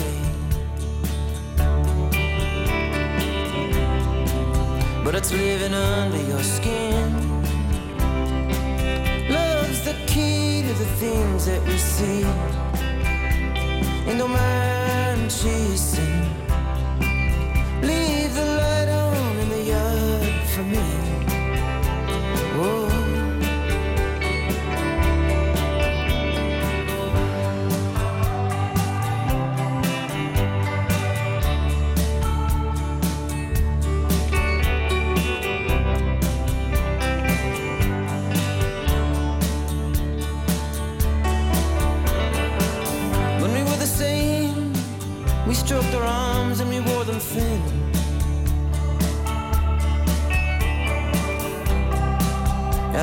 The sadness, it was there.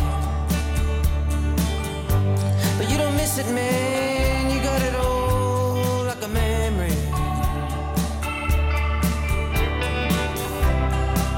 Now it's living under your skin. Love's the key to the games that we play. But don't mind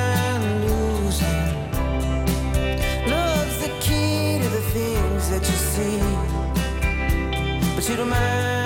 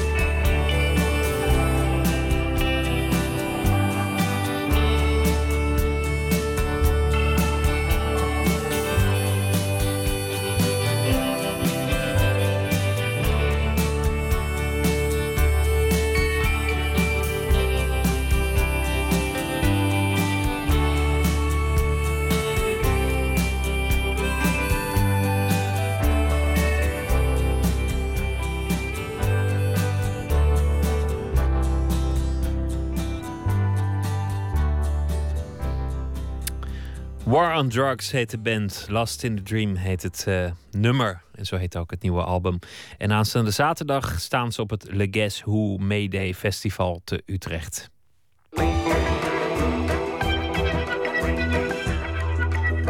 U luistert naar de VPRO Nooit meer slapen. Met zijn debuutalbum Tussen Licht en Lucht. En met optredens die daarop volgden werd Typhoon...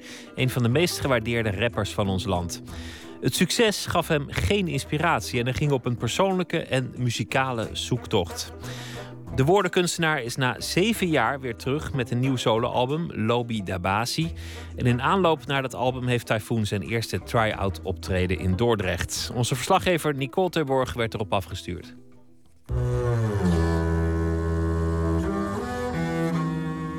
We beginnen met eh, Niets Verwacht.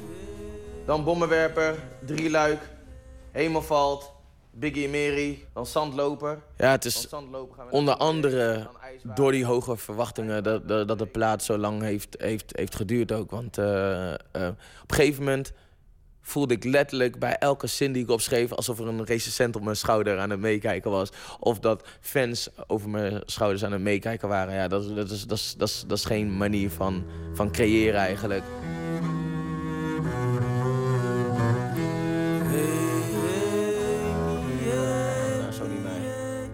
Moeten we nu nog eventjes dingetjes eh, eh, doorspreken die we, die we niet moeten vergeten per, eh, per track? Of even... Hier in Dordrecht, boven, in een ruimte van eh 8 bij 8, denk ik. Twee banken waar muzikanten op liggen te slapen. Want straks gaat het gebeuren, toch? Ja, zometeen gaat het gebeuren. Eh, de eerste try-out voor, eh, voor, eh, voor Lobby de Bassi met de hele band. Na elke reis staan mijn mams klaar met vers gekookt eten en in de hand steeds een andere landkaart. Ga jongen, ga. Verhalen worden doorgegeven aan de keukentafel of op de veranda. Standaard, we bespreken familiewijsheden. Laat je liefde niet afhangen van een ander. De schande van het niet goed en is groter dan die van het niet gegoed worden. Alles is te leen, wees dankbaar. In 2009 begon jij eh, met het schrijven aan je tweede album. Maar toen stopte je. Wat gebeurde er? Zo, eh, leven. ik, eh, eh, enerzijds merkte ik dat ik eh, te graag eigenlijk door wilde gaan met nieuwe muziek maken. Terwijl ik eigenlijk eerst moest opladen. Dus ik heb zes à zeven jaar getoerd achter elkaar. En ik had niet door dat het zoveel, zo- zoveel heeft gevergd van mijn, van mijn lichaam en van mijn inspiratie eigenlijk. En anderzijds merkte ik dat ik een nieuw verhaal wilde maken. Wat, wat, het leek te veel op mijn oude werk. Dus ik ben gestopt met schrijven en ik ben gaan reizen. Je was aan het schrijven en toen merkte je... ik schrijf eigenlijk weer hetzelfde verhaal. Ja. En wat was dat verhaal dan? Het verhaal dat ik eh, schreef was, eh, was te veel in die observerende rol eigenlijk. Ja, je hoort die stijl heel erg terug op eh, Tussen Lichte Lucht. Gebruiken een traditie, geboren in een tijdperk, gekenmerkte dingen die we niet zien. Kids komen ter wereld en worden zoet gehouden met de rammelaar aan televisie. Brainwash voor beginners. En dan is het apart dat de jeugd moeilijk wordt getriggerd. Maar toen merkte ik van ja, het wordt, het wordt een maniertje of zo, weet je. Ik ben eigenlijk te comfortabel. Eigenlijk merkte ik dat. Ik ben te comfortabel in mijn, in mijn leven en met mijn stijl. Dus, dus eh, om weer eerlijk muziek te kunnen maken, moet ik dingen even opschudden eigenlijk. En daarom eh, heb ik eh, misschien de moeilijke weg gekozen, maar het was wel de enige weg die, die ik kon eh, nemen. En dat is gewoon alles wat comfortabel is, even overboord gooien en weer geheel nieuw eh, in het eh, creatieve proces te staan. Alles wat comfortabel was overboord gooien. Wat moet ik me daarbij voorstellen? Ik, ik kwam dus uit de tijd dat ik een soort van me nooit zorgen hoefde te maken om geld. Ik had een veel te groot appartement eigenlijk voor, voor mezelf. Al, alles ging wel. Relatie, eh, eh, eh, gewoon, gewoon alle goede dingen. Lekker uit eten, hier en daar een reisje maken. Maar eigenlijk miste ik een bepaalde urgentie om, om, om weer opnieuw te, te, kunnen, te, kunnen creëren. En nu ben ik niet zo iemand die zegt dat alle kunst uit, uit leed ontstaat. Maar ik merkte wel dat ik, ik, ik had nieuwe uitdagingen eigenlijk nodig. In die tijd eh, is mijn relatie eh, uitgegaan. Ik ben uit mijn huis gegaan. Ik ben eh, eigenlijk een beetje gaan zwerven. En ondertussen reis ge- gemaakt naar Suriname... om ja, terug, terug eigenlijk te gaan naar, naar, mijn, naar mijn roots. Laten we er vol voor gaan.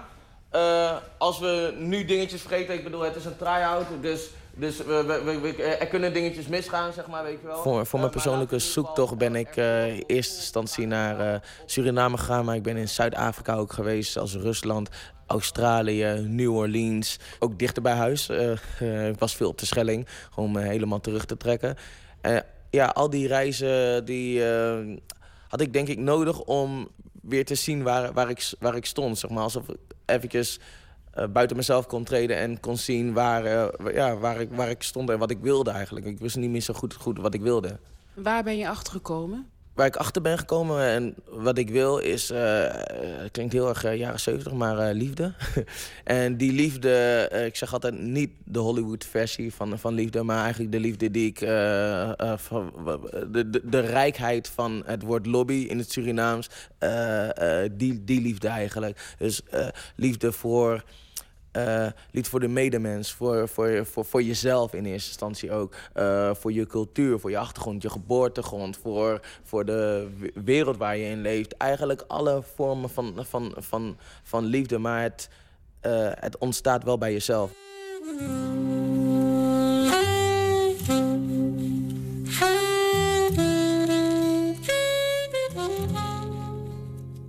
Hè, lobby, liefde zit in de titel. Zullen mensen ook denken, zoetsappig. Op een gegeven moment eh, zat ik in, eh, in Suriname samen met Herb Alfonso, de maker van, de van de documentaire, Lobby de Bassi documentaire, waar we mee bezig zijn. Ja, want naast het album komt er ook een documentaire waar via crowdfunding geld voor is verzameld. Ja, ja in januari is het, eh, is het idee. eh, komt de eh, documentaire ook uit. Maar daar ineens realiseerden we ons van dat we ons bijna schaamden voor woorden als liefde of dankbaarheid. De- Alsof, alsof, alsof, je, alsof je niet meer positief of, of, eh, eh, of waardering kon uitspreken. Ik sta zo achter de persoon die, die, die, ik, ben, die ik ben geworden in alle compleetheid. Eh, dus liefde, ehm, ja, alomvattender en kleiner dan het woord liefde kan ik het, kan ik het niet maken. En iedereen kan dat voor zichzelf eh, invullen, weet je wel. Maar eh, de verhalen zijn liefdesverhalen, maar het zijn mensenverhalen. Over mijn ouders, over de zon. Verlaten plantages en de marons. Dit zijn de helden als Anton de Kom. Dit zijn de dagen, dit is mijn grond. En waar ik achter ben gekomen is dat was bijna een soort van alchemist vooral. Dat ik al die reizen heb gemaakt en dat ik uiteindelijk eh, me realiseerde dat precies op de plek waar ik ben, dat ik die rijkdom, dat ik die liefde hier ook heb. Ik hoef niet, niet naar, de- naar het einde van de wereld te reizen om, om dat daar te zoeken. Mooi voorbeeldje. Ergens, een prachtig park eh, in het noorden van, eh, van Australië. Eh, ik was met een vriend eh, op, eh, op rondreis daar. En eh, we, we lagen zo naar de sterren te kijken op het dak. En ik dacht van, wauw, dit is echt mooi. Dit is te gek. Maar toen dacht ik van, eigenlijk vind ik de sterrenhemel op de Schelling mooier. Dat was zo'n mooie, mooie realisatie. Zo van, ja, het, je hoeft het niet daar te zitten. Het zit veel dichterbij dan je al denkt. Dus Nederland is je thuis. Nederland is mijn thuis, zeker weten. Ja.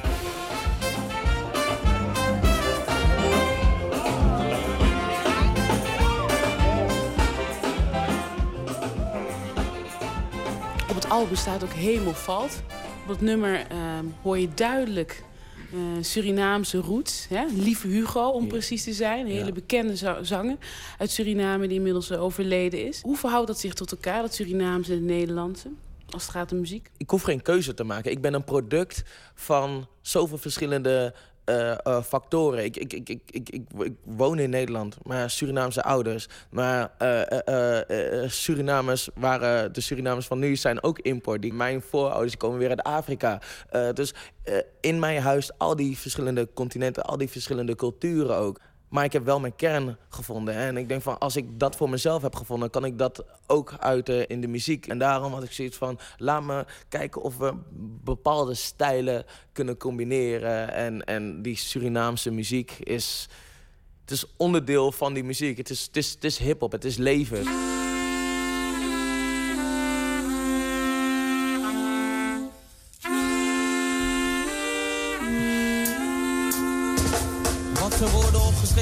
Kern ervan niet wordt begrepen. Voorbij het punt van lezen is het de kunst van leven. Tussen de regels, buiten de kantlijn. Hoe anders zou het zijn? Hoe anders zou het zijn? Liefde is de baas, eh, heet het album. Voor mij was het heel erg veel meer reflecterend dan als ik denk aan jouw debuutalbum. Ehm, ook lyrischer lijkt het. Volkser, misschien ook wel. Ben je het daarmee eens? Ja, ik vind het mooi, mooi dat je eh o- o- volkser zegt, want dat, dat is die... eh, op een gegeven moment kwam ik erachter dat de... eh, ik luister naar heel veel verschillende soorten muziek, van Russische muziek tot, tot fado en, en flamenco tot, tot, tot, tot punk. Eh, en ik kom er de hele tijd achter dat de liefde zit hem in, in de volkscultuur, in de, in de menselijkheid, in het delen eigenlijk, weet je wel. En dat, dat is eigenlijk de kern waar we met z'n allen eh, eh, eh, in het proces naar, naar, naar, naar hebben gezocht. Dus als je zegt volks, dan, dan, ja, dan vind, ik dat, vind ik dat een groot compliment. Want daar, daar, daar komt de inspiratie ook, ook vandaan. En ik denk dat ik iets minder cryptisch ben geworden. Ik ben iets duidelijker, weet je, op het moment dat je in bepaalde situaties zit, dan, ja, dan is er geen ruimte voor, voor, voor poëzie. Dan is het gewoon, het is, het, het is zo. Ik wilde terug naar de blues gaan en op een gegeven moment merkte ik dat ik de blues leefde.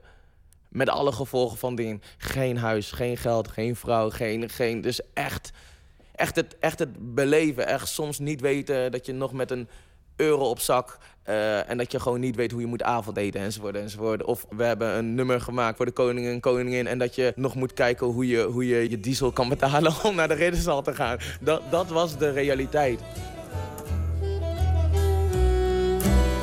Wie zijn wij en waar staan we? De grote vraag maakte van handelaren wereldveroveraars. De ontdekking van de houtzaagmolen voor de scheepvaart maakte ons koning te water. Voor het graan, voor de specerijen. Pakhuizen vol, grachtenpanden, rederijen. We zagen zoveel, zijn zo groot, maar als het kantelt, zien we massamoord, apartheid, slavernij en de slavenhandel. Zonder donker kan het licht zichzelf niet kennen. Vandaar de onwetendheid rond 5 december. De wereld draait door, we deinen mee, houden vast. Verandering is confronterend. Ik ervaar het elke dag, mijn land en mijn haven. Zelfs de wind zocht hier verkorting op stormachtige dagen. Wij wordt bepaald door waar we gaan, niet waar we waren. Dat oncomfortabele waar je naar vroeg toen je begon in 2009 aan het schrijven van je album, dat heb je dus gewoon gekregen. Geen huis, geen relatie. Alles, alles liep mis. Ja, eigen- eigenlijk, eigenlijk wel. Alles, alles liep mis. En het was al, het was al in, in, in, het was al gaande. En ik denk dat, eh, weet je, ik ben een, eh, eh, niet zozeer religieus man, maar wel, wel eh, spiritueel man. Eh, ik, geloof ook erg dat ik deze trials and tribulations, om het even zo te zeggen, door heb moeten staan. om wijzer te, te, te, worden. Om ook te ervaren een soort van, van ja, hoe, hoe, hoe, hoe ben jij op het moment dat je het allemaal even niet zo comfortabel hebt. En dat maakt me, en dat maakt Lobby de Bassi denk ik ook veel volkser en veel, veel eerlijker en echter. Op de zolder van het dolhuis staat Typhoon op blote voeten, blauwe blouse, in een kring met zijn bandleden. Klaar om naar beneden te gaan voor hun eerste try-out met muziek van zijn tweede album. Soms zijn we geen koning, zo blijven we hofnaar. Zo zijn we apen die je tanden laten zien in rapvideo's voor een banaantje. Stop maar, neem verantwoordelijkheden en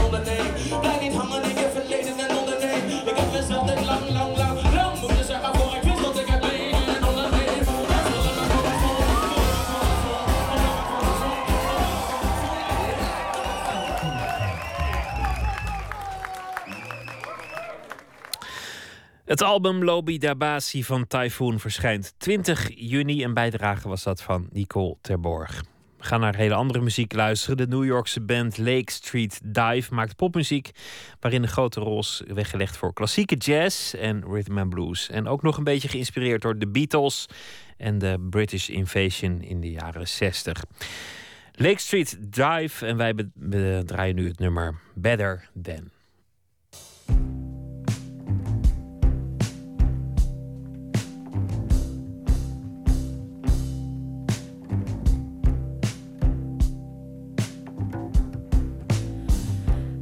spending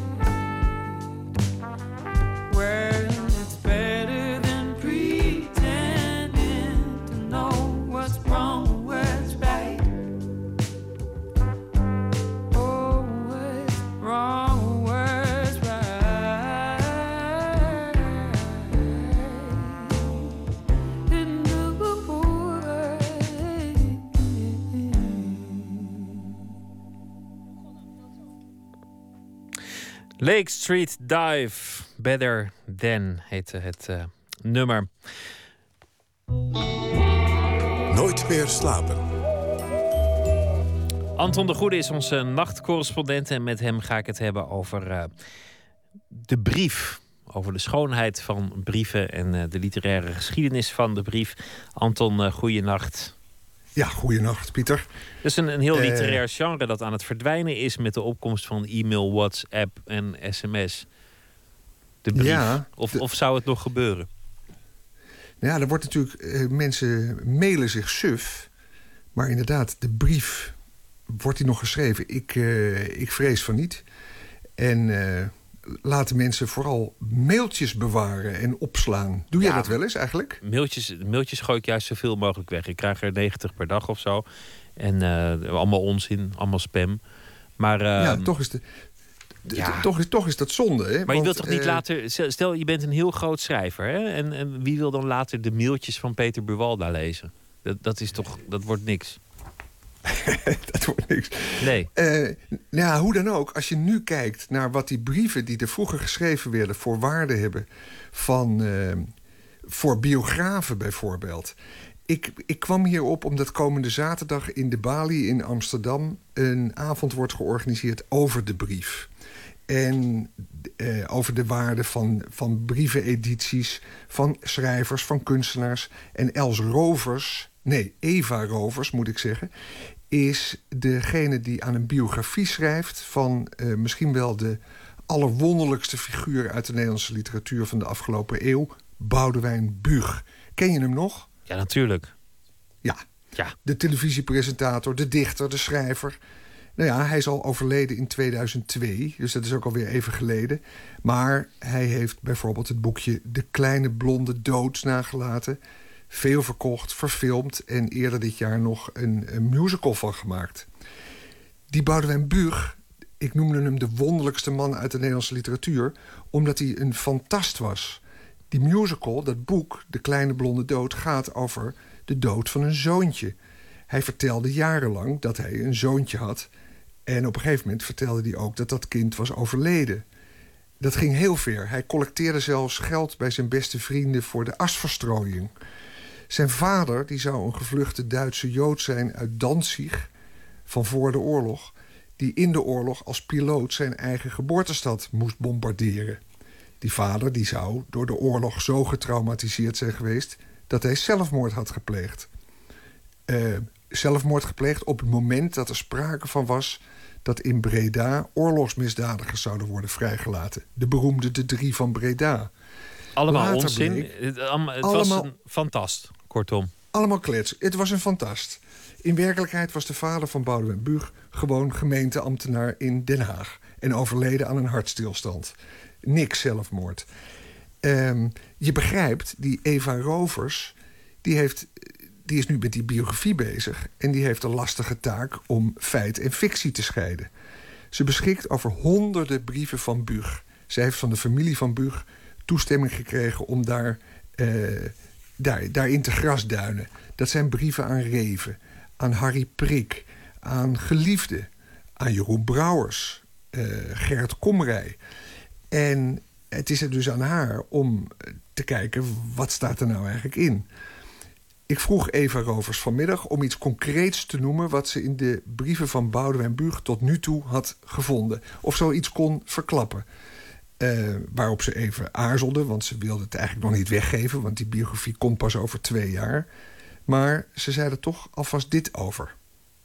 Wat ik een heel erg leuk citaat vond, waar volgens mij ook wel heel goed uit blijkt dat hij heel erg goed wist waar hij mee bezig was. En dat het dus niet een dwangmatige leugenaar was, is dat hij op een gegeven moment aan eh, Jeroen Brouwers schrijft. Soms ben ik bang dat ik denk dat ik Goethe ben. En niet vanwege zijn schrijfkwaliteiten, maar vanwege mijn leven. En dat geeft volgens mij heel erg goed aan dat hij eh, besefte, want Goethe was natuurlijk ook iemand die zijn hele leven mystificeerde en die eh, goed wist hoe hij zichzelf eh, een, ja, een tweede, een derde en een vierde leven, publiek leven moest geven. En dat heeft Buug heel goed, daar heeft Buug heel goed naar gekeken. En uit zo'n citaat blijkt ook wel dat hij zich daar heel erg van bewust was. Dus dat, dat hele idee dat hij een soort dwangmatige leugenaar was... die helemaal overgeleverd was aan zijn psychische problemen... dat is uh, maar zeer de vraag. En dat geeft ook wel aan dat hij zich ook heel erg bewust was... dat hij in een bepaalde literaire traditie stond. En dat hij daar uh, um, ja, zijn eigen draai aan heeft gegeven.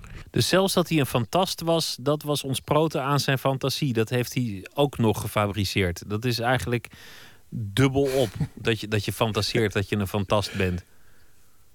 Ja, ik zei, uh, ik zei tegen Eva Rovers, uh, ga je nu... Uh, want eigenlijk zegt zij van ja, ik heb het idee dat hij het allemaal bewust deed. Dus dat hij niet leed aan wat ook wel heet de pseudologia fantastica. Hè? dus dat het echt een ziekelijke vorm van liegen zou zijn geweest. En zij zegt van, hij heeft dat eigenlijk ja, geveinst om van zijn eigen leven bijna een, een, een romanfiguur te maken. Um, nou ja, zij moet daar een biografie over maken. Wat ik interessant vind, is dat deze Eva Rovers... die dus gebruik maakt van die brieven... Uh, aan de ene kant met ontzettend veel inzet vertelt over Buug... en met enthousiasme. En aan de andere kant hem toch niet idealiseert. Ze ziet ook eigenlijk het treurige misverstand in. Het misverstand dat het leven van Boudewijn Buug ook was. Luister. Ik denk dat daar ook een deel van de tragiek in schuilt. Dat hij zelf ook op een gegeven moment besefte dat je nog zo'n dat je leven nog zo erg kan regisseren, maar dat al de onrust ook dat mee, met zich meeneemt. De onrust van een dubbel leven en van al die uh, verhalen die je uh, in stand moet houden. Dat dat uh, de rust die het grote schrijverschap vereist, dat dat toch wel behoorlijk in de weg staat. En hij, ik denk dat hij wel beseft heeft dat hij op een gegeven moment, dat hij niet, hij is geen tweede Goethe geworden. En dat zal hem, uh, ja, ik denk dat hem dat wel teleurgesteld heeft. Ja, al dus uh, Eva Rovers over Boudewijn Buug. Je had het over brieven, want het is een programma onderdeel op het Logos Festival. Verscheur deze brief. Los van de waarde voor de biograaf en voor de, de literatuurwetenschappers... is er natuurlijk ook de schoonheid van een brief. Ik denk vooral bijvoorbeeld aan de brieven van Flaubert in uh, privédomein uitgegeven. Dat, die, die brieven zijn prachtig. Dat zijn op zich literaire meesterwerken. Is dat ja, eigenlijk niet... Haat, niet, is een, ha, haat is een deugd. Haat is een deugd, ja. ja, ja. Is dat eigenlijk niet veel, veel erger? Ik bedoel, die, die, biografen die komen er wel uit aan de hand van mailtjes en boekhouding. Maar, maar gewoon het literaire genre van de brief. Is dat, is dat niet de tragiek van, van de e-mail en het verdwijnen van de correspondentie?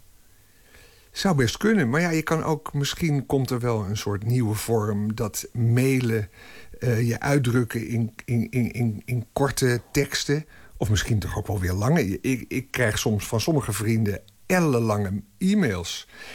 Dus, dus men, men zit natuurlijk toch gewoon nog heel veel te schrijven naar elkaar.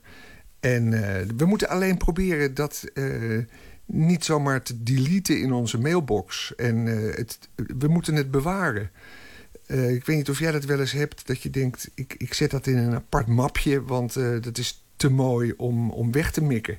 Nou, dat doe ik eigenlijk alleen maar als de, als, als de VPRO je reiskostenvergoeding toezegt. Ik denk, die moet ik bewaren, want daar gaan ze op terugkomen. Maar, maar niet, niet vanwege de literaire schoonheid van dingen.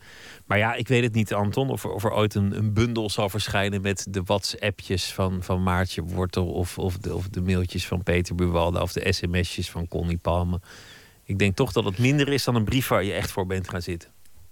Nou ja, het, het, het toont wel aan, of, of het, het, het doet ons uh, realiseren dat het bewaren van onze, onze correspondentie. Vroeger, als je een brief kreeg, deed je hem toch in een laadje. Of uh, dan koesterde je hem meer dan wanneer je nu elektronisch het op je scherm leest. Dat is jammer.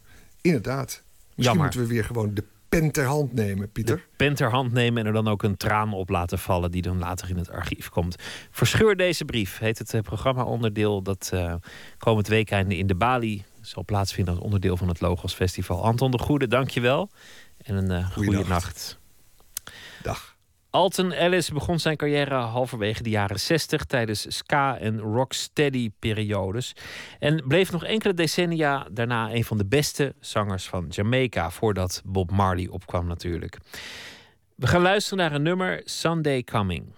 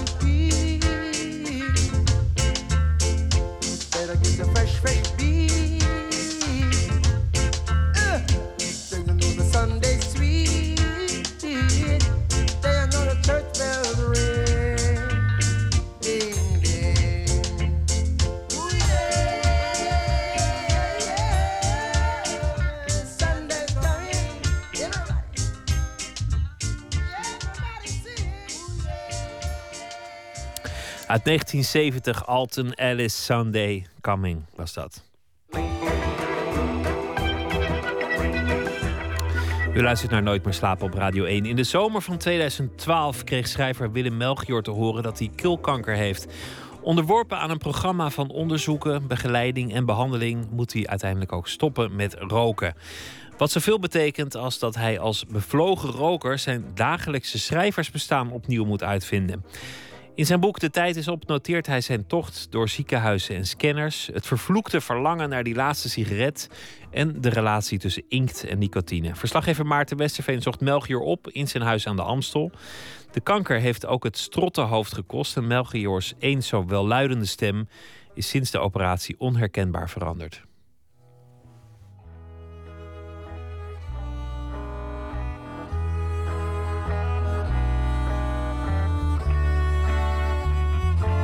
Als men het over de stem van een schrijver heeft, dan denk je daar vaak toch vrij letterlijk een echte stem bij. Hoe is het als opeens een van die twee elementen weg wordt gehaald? Ja, volstrekt onwerkelijk. Ik heb wel eens gedacht dat ik om een literaire stem te vinden... daarvoor heb moeten betalen nu met mijn echte stem. Want ik heb veel gerookt om eh, te kunnen schrijven. En dat heeft wel tot een stem eh, in de letteren geleid. Maar ja, nou moet ik inmiddels heb ik mijn echte stem moeten inleveren. Dat zeg je ook in het boek, hè? Er is geen genot eh, zonder een prijs. Dat, je, je betaalt er altijd voor. Is dat zoals je het echt ziet? Ik zeg, eerlijk gezegd zou ik dat niet weten. Ik vind het altijd wel aantrekkelijk om van die geweldige theorieën te verzinnen. Maar of ze waar zijn, of ze echt hout snijden, dat weet ik gewoon niet.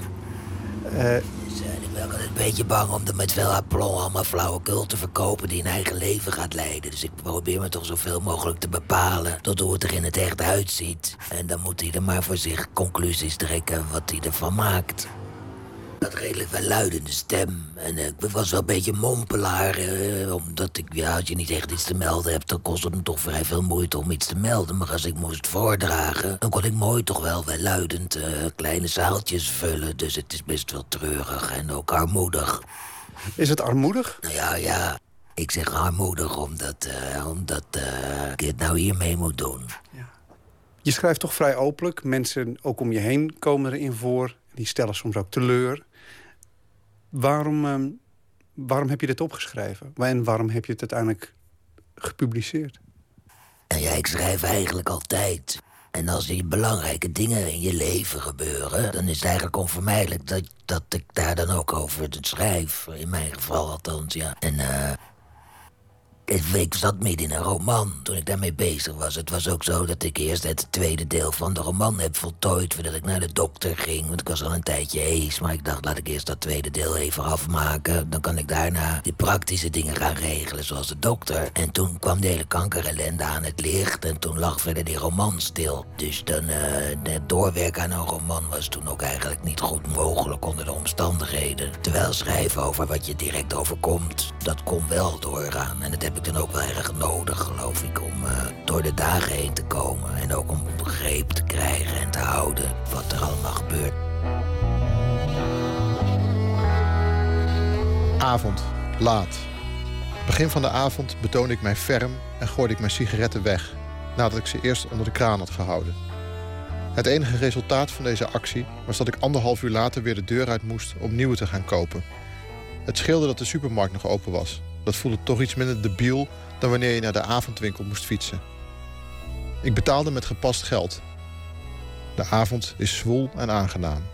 Soms denk ik, ik heb geleefd zoals ik wilde leven. Waarom nu de consequenties niet genomen en de beker tot de laatste slok uitgedronken? Want ik kan natuurlijk ook gewoon doorgaan met roken. Dat heb ik 25 jaar gedaan en dat is ongeveer net zoveel tijd als Thomas Mann zijn Dr. Faustus gaf. Om precies te zijn kreeg de Faustus van Mann 24 jaar, terwijl ik mijn eerste sigaretten op mijn 17e al rookte. Maar het is 25 jaar geleden dat ik mijn studie staakte om me geheel aan het schrijven te wijden. Toen pas zijn de sigaretten echt beginnen te tellen. Tijd. Het was bijzonder vindingrijk van Thomas Mann om het duivelspact niet om roem of rijkdom of om macht of om seks, maar om tijd te laten draaien.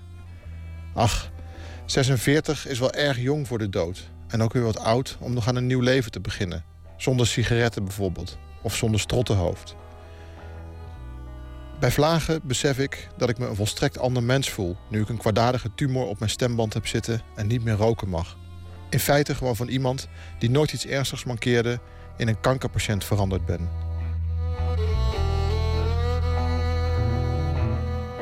Dat moment is er dan opeens. Hè? Er gebeurt echt iets. Iets om over te schrijven. Was je er klaar voor? Dat resultaat eh, vind ik zelf bevredigend. Dus in die zin denk ik wel dat ik er klaar voor was. En het is ook wel zo dat ik inmiddels toch al eh, mijn hele volwassen leven... meer dan 25 jaar gewoon elke dag schrijf. En ook, ik weet, dat heet dan een dagboek. Maar het be- beslaat inmiddels trekkende meters... waarin ik daar elke dag verslag doe. Dus het gaat dan over dingen die je meemaakt, maar ook dingen die je bedenkt. eh, dingen waar, waar je mee bezig bent. Dus in de loop van de tijd heb ik wel wat je noemt eh, talent voor zover aanwezig ontwikkeld, maar ook vaardigheden ontwikkeld. En die waren inmiddels dus in zekere mate wel gereed om eh, een volgend onderwerp aan te grijpen. Hoe krijg je dan greep door middel van schrijven? En dan heb ik het echt over jou persoonlijk.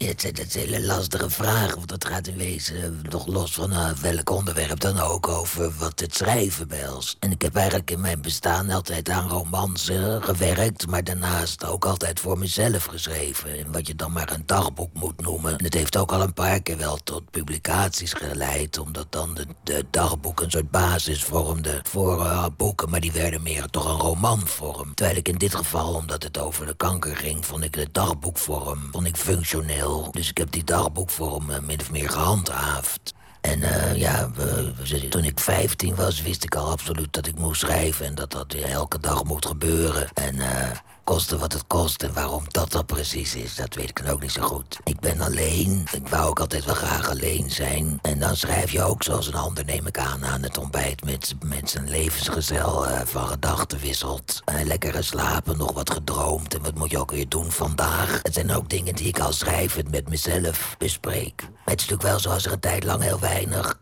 eh, specifieks gebeurt, dan is dat dat, dat dagboek niet zo belangwekkend. Maar zodra er belangrijke dingen gebeuren... het kan een verliefdheid zijn of iets, eh, seksuele vervoering... maar ook zo'n ziekte, ja, dan gaat het, gaat het ineens daarover... En het is zelfs wel een beetje zo dat als er iets belangrijks gebeurt... zelfs als het zoiets akeligs is als een kanker... dan denk ik wel meteen, ah, een onderwerp. Nu gaat het ergens over.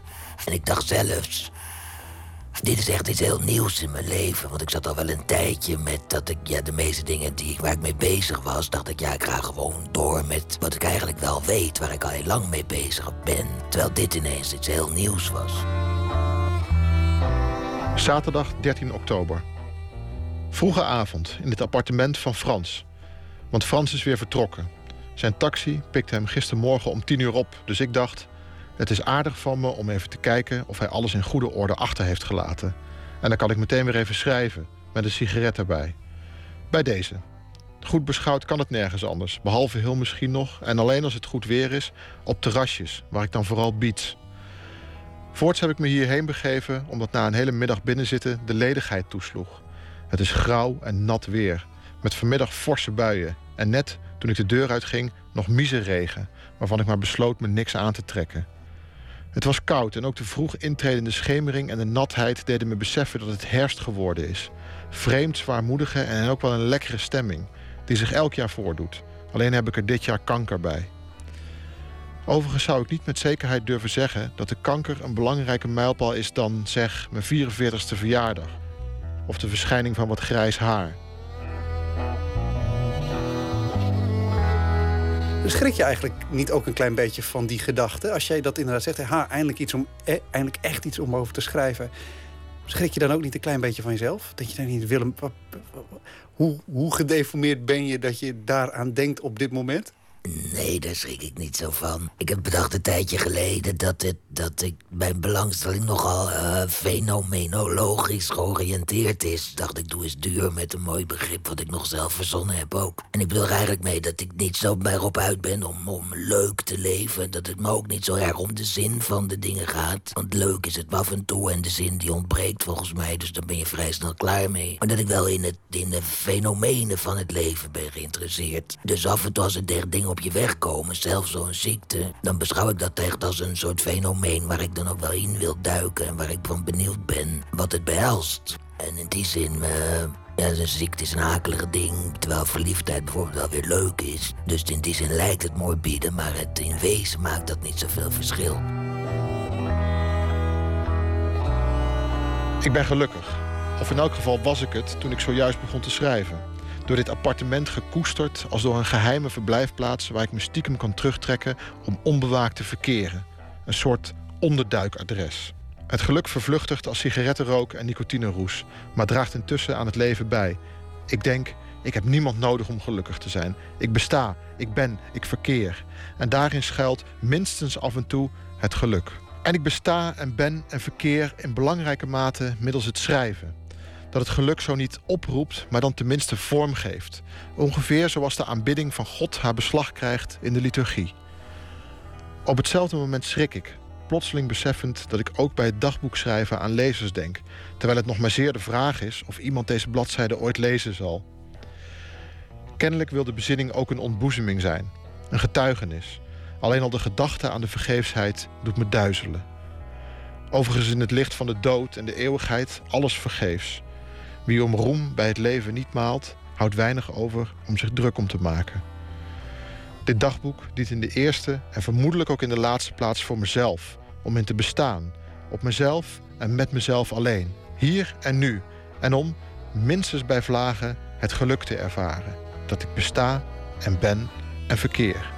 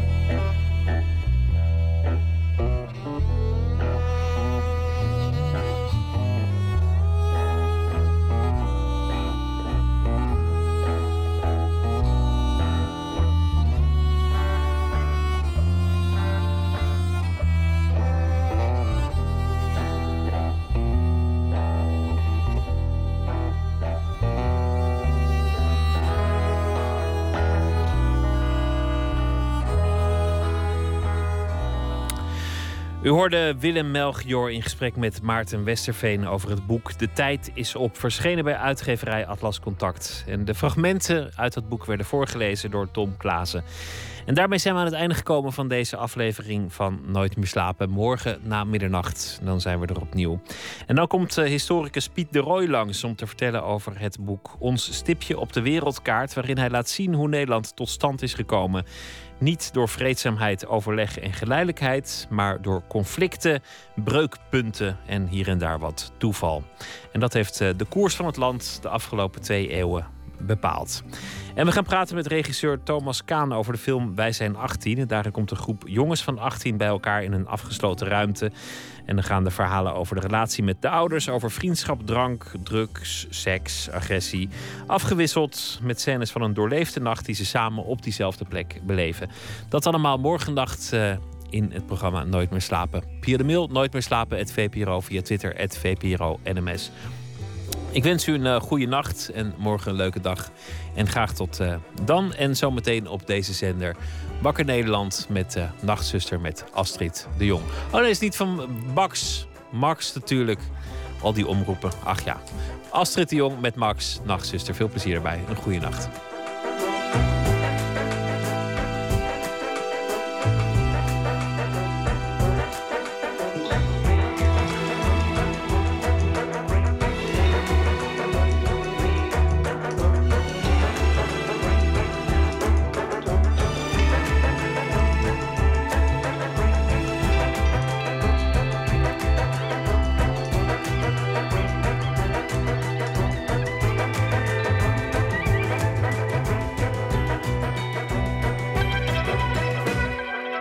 Radio 1. Het nieuws van alle kanten.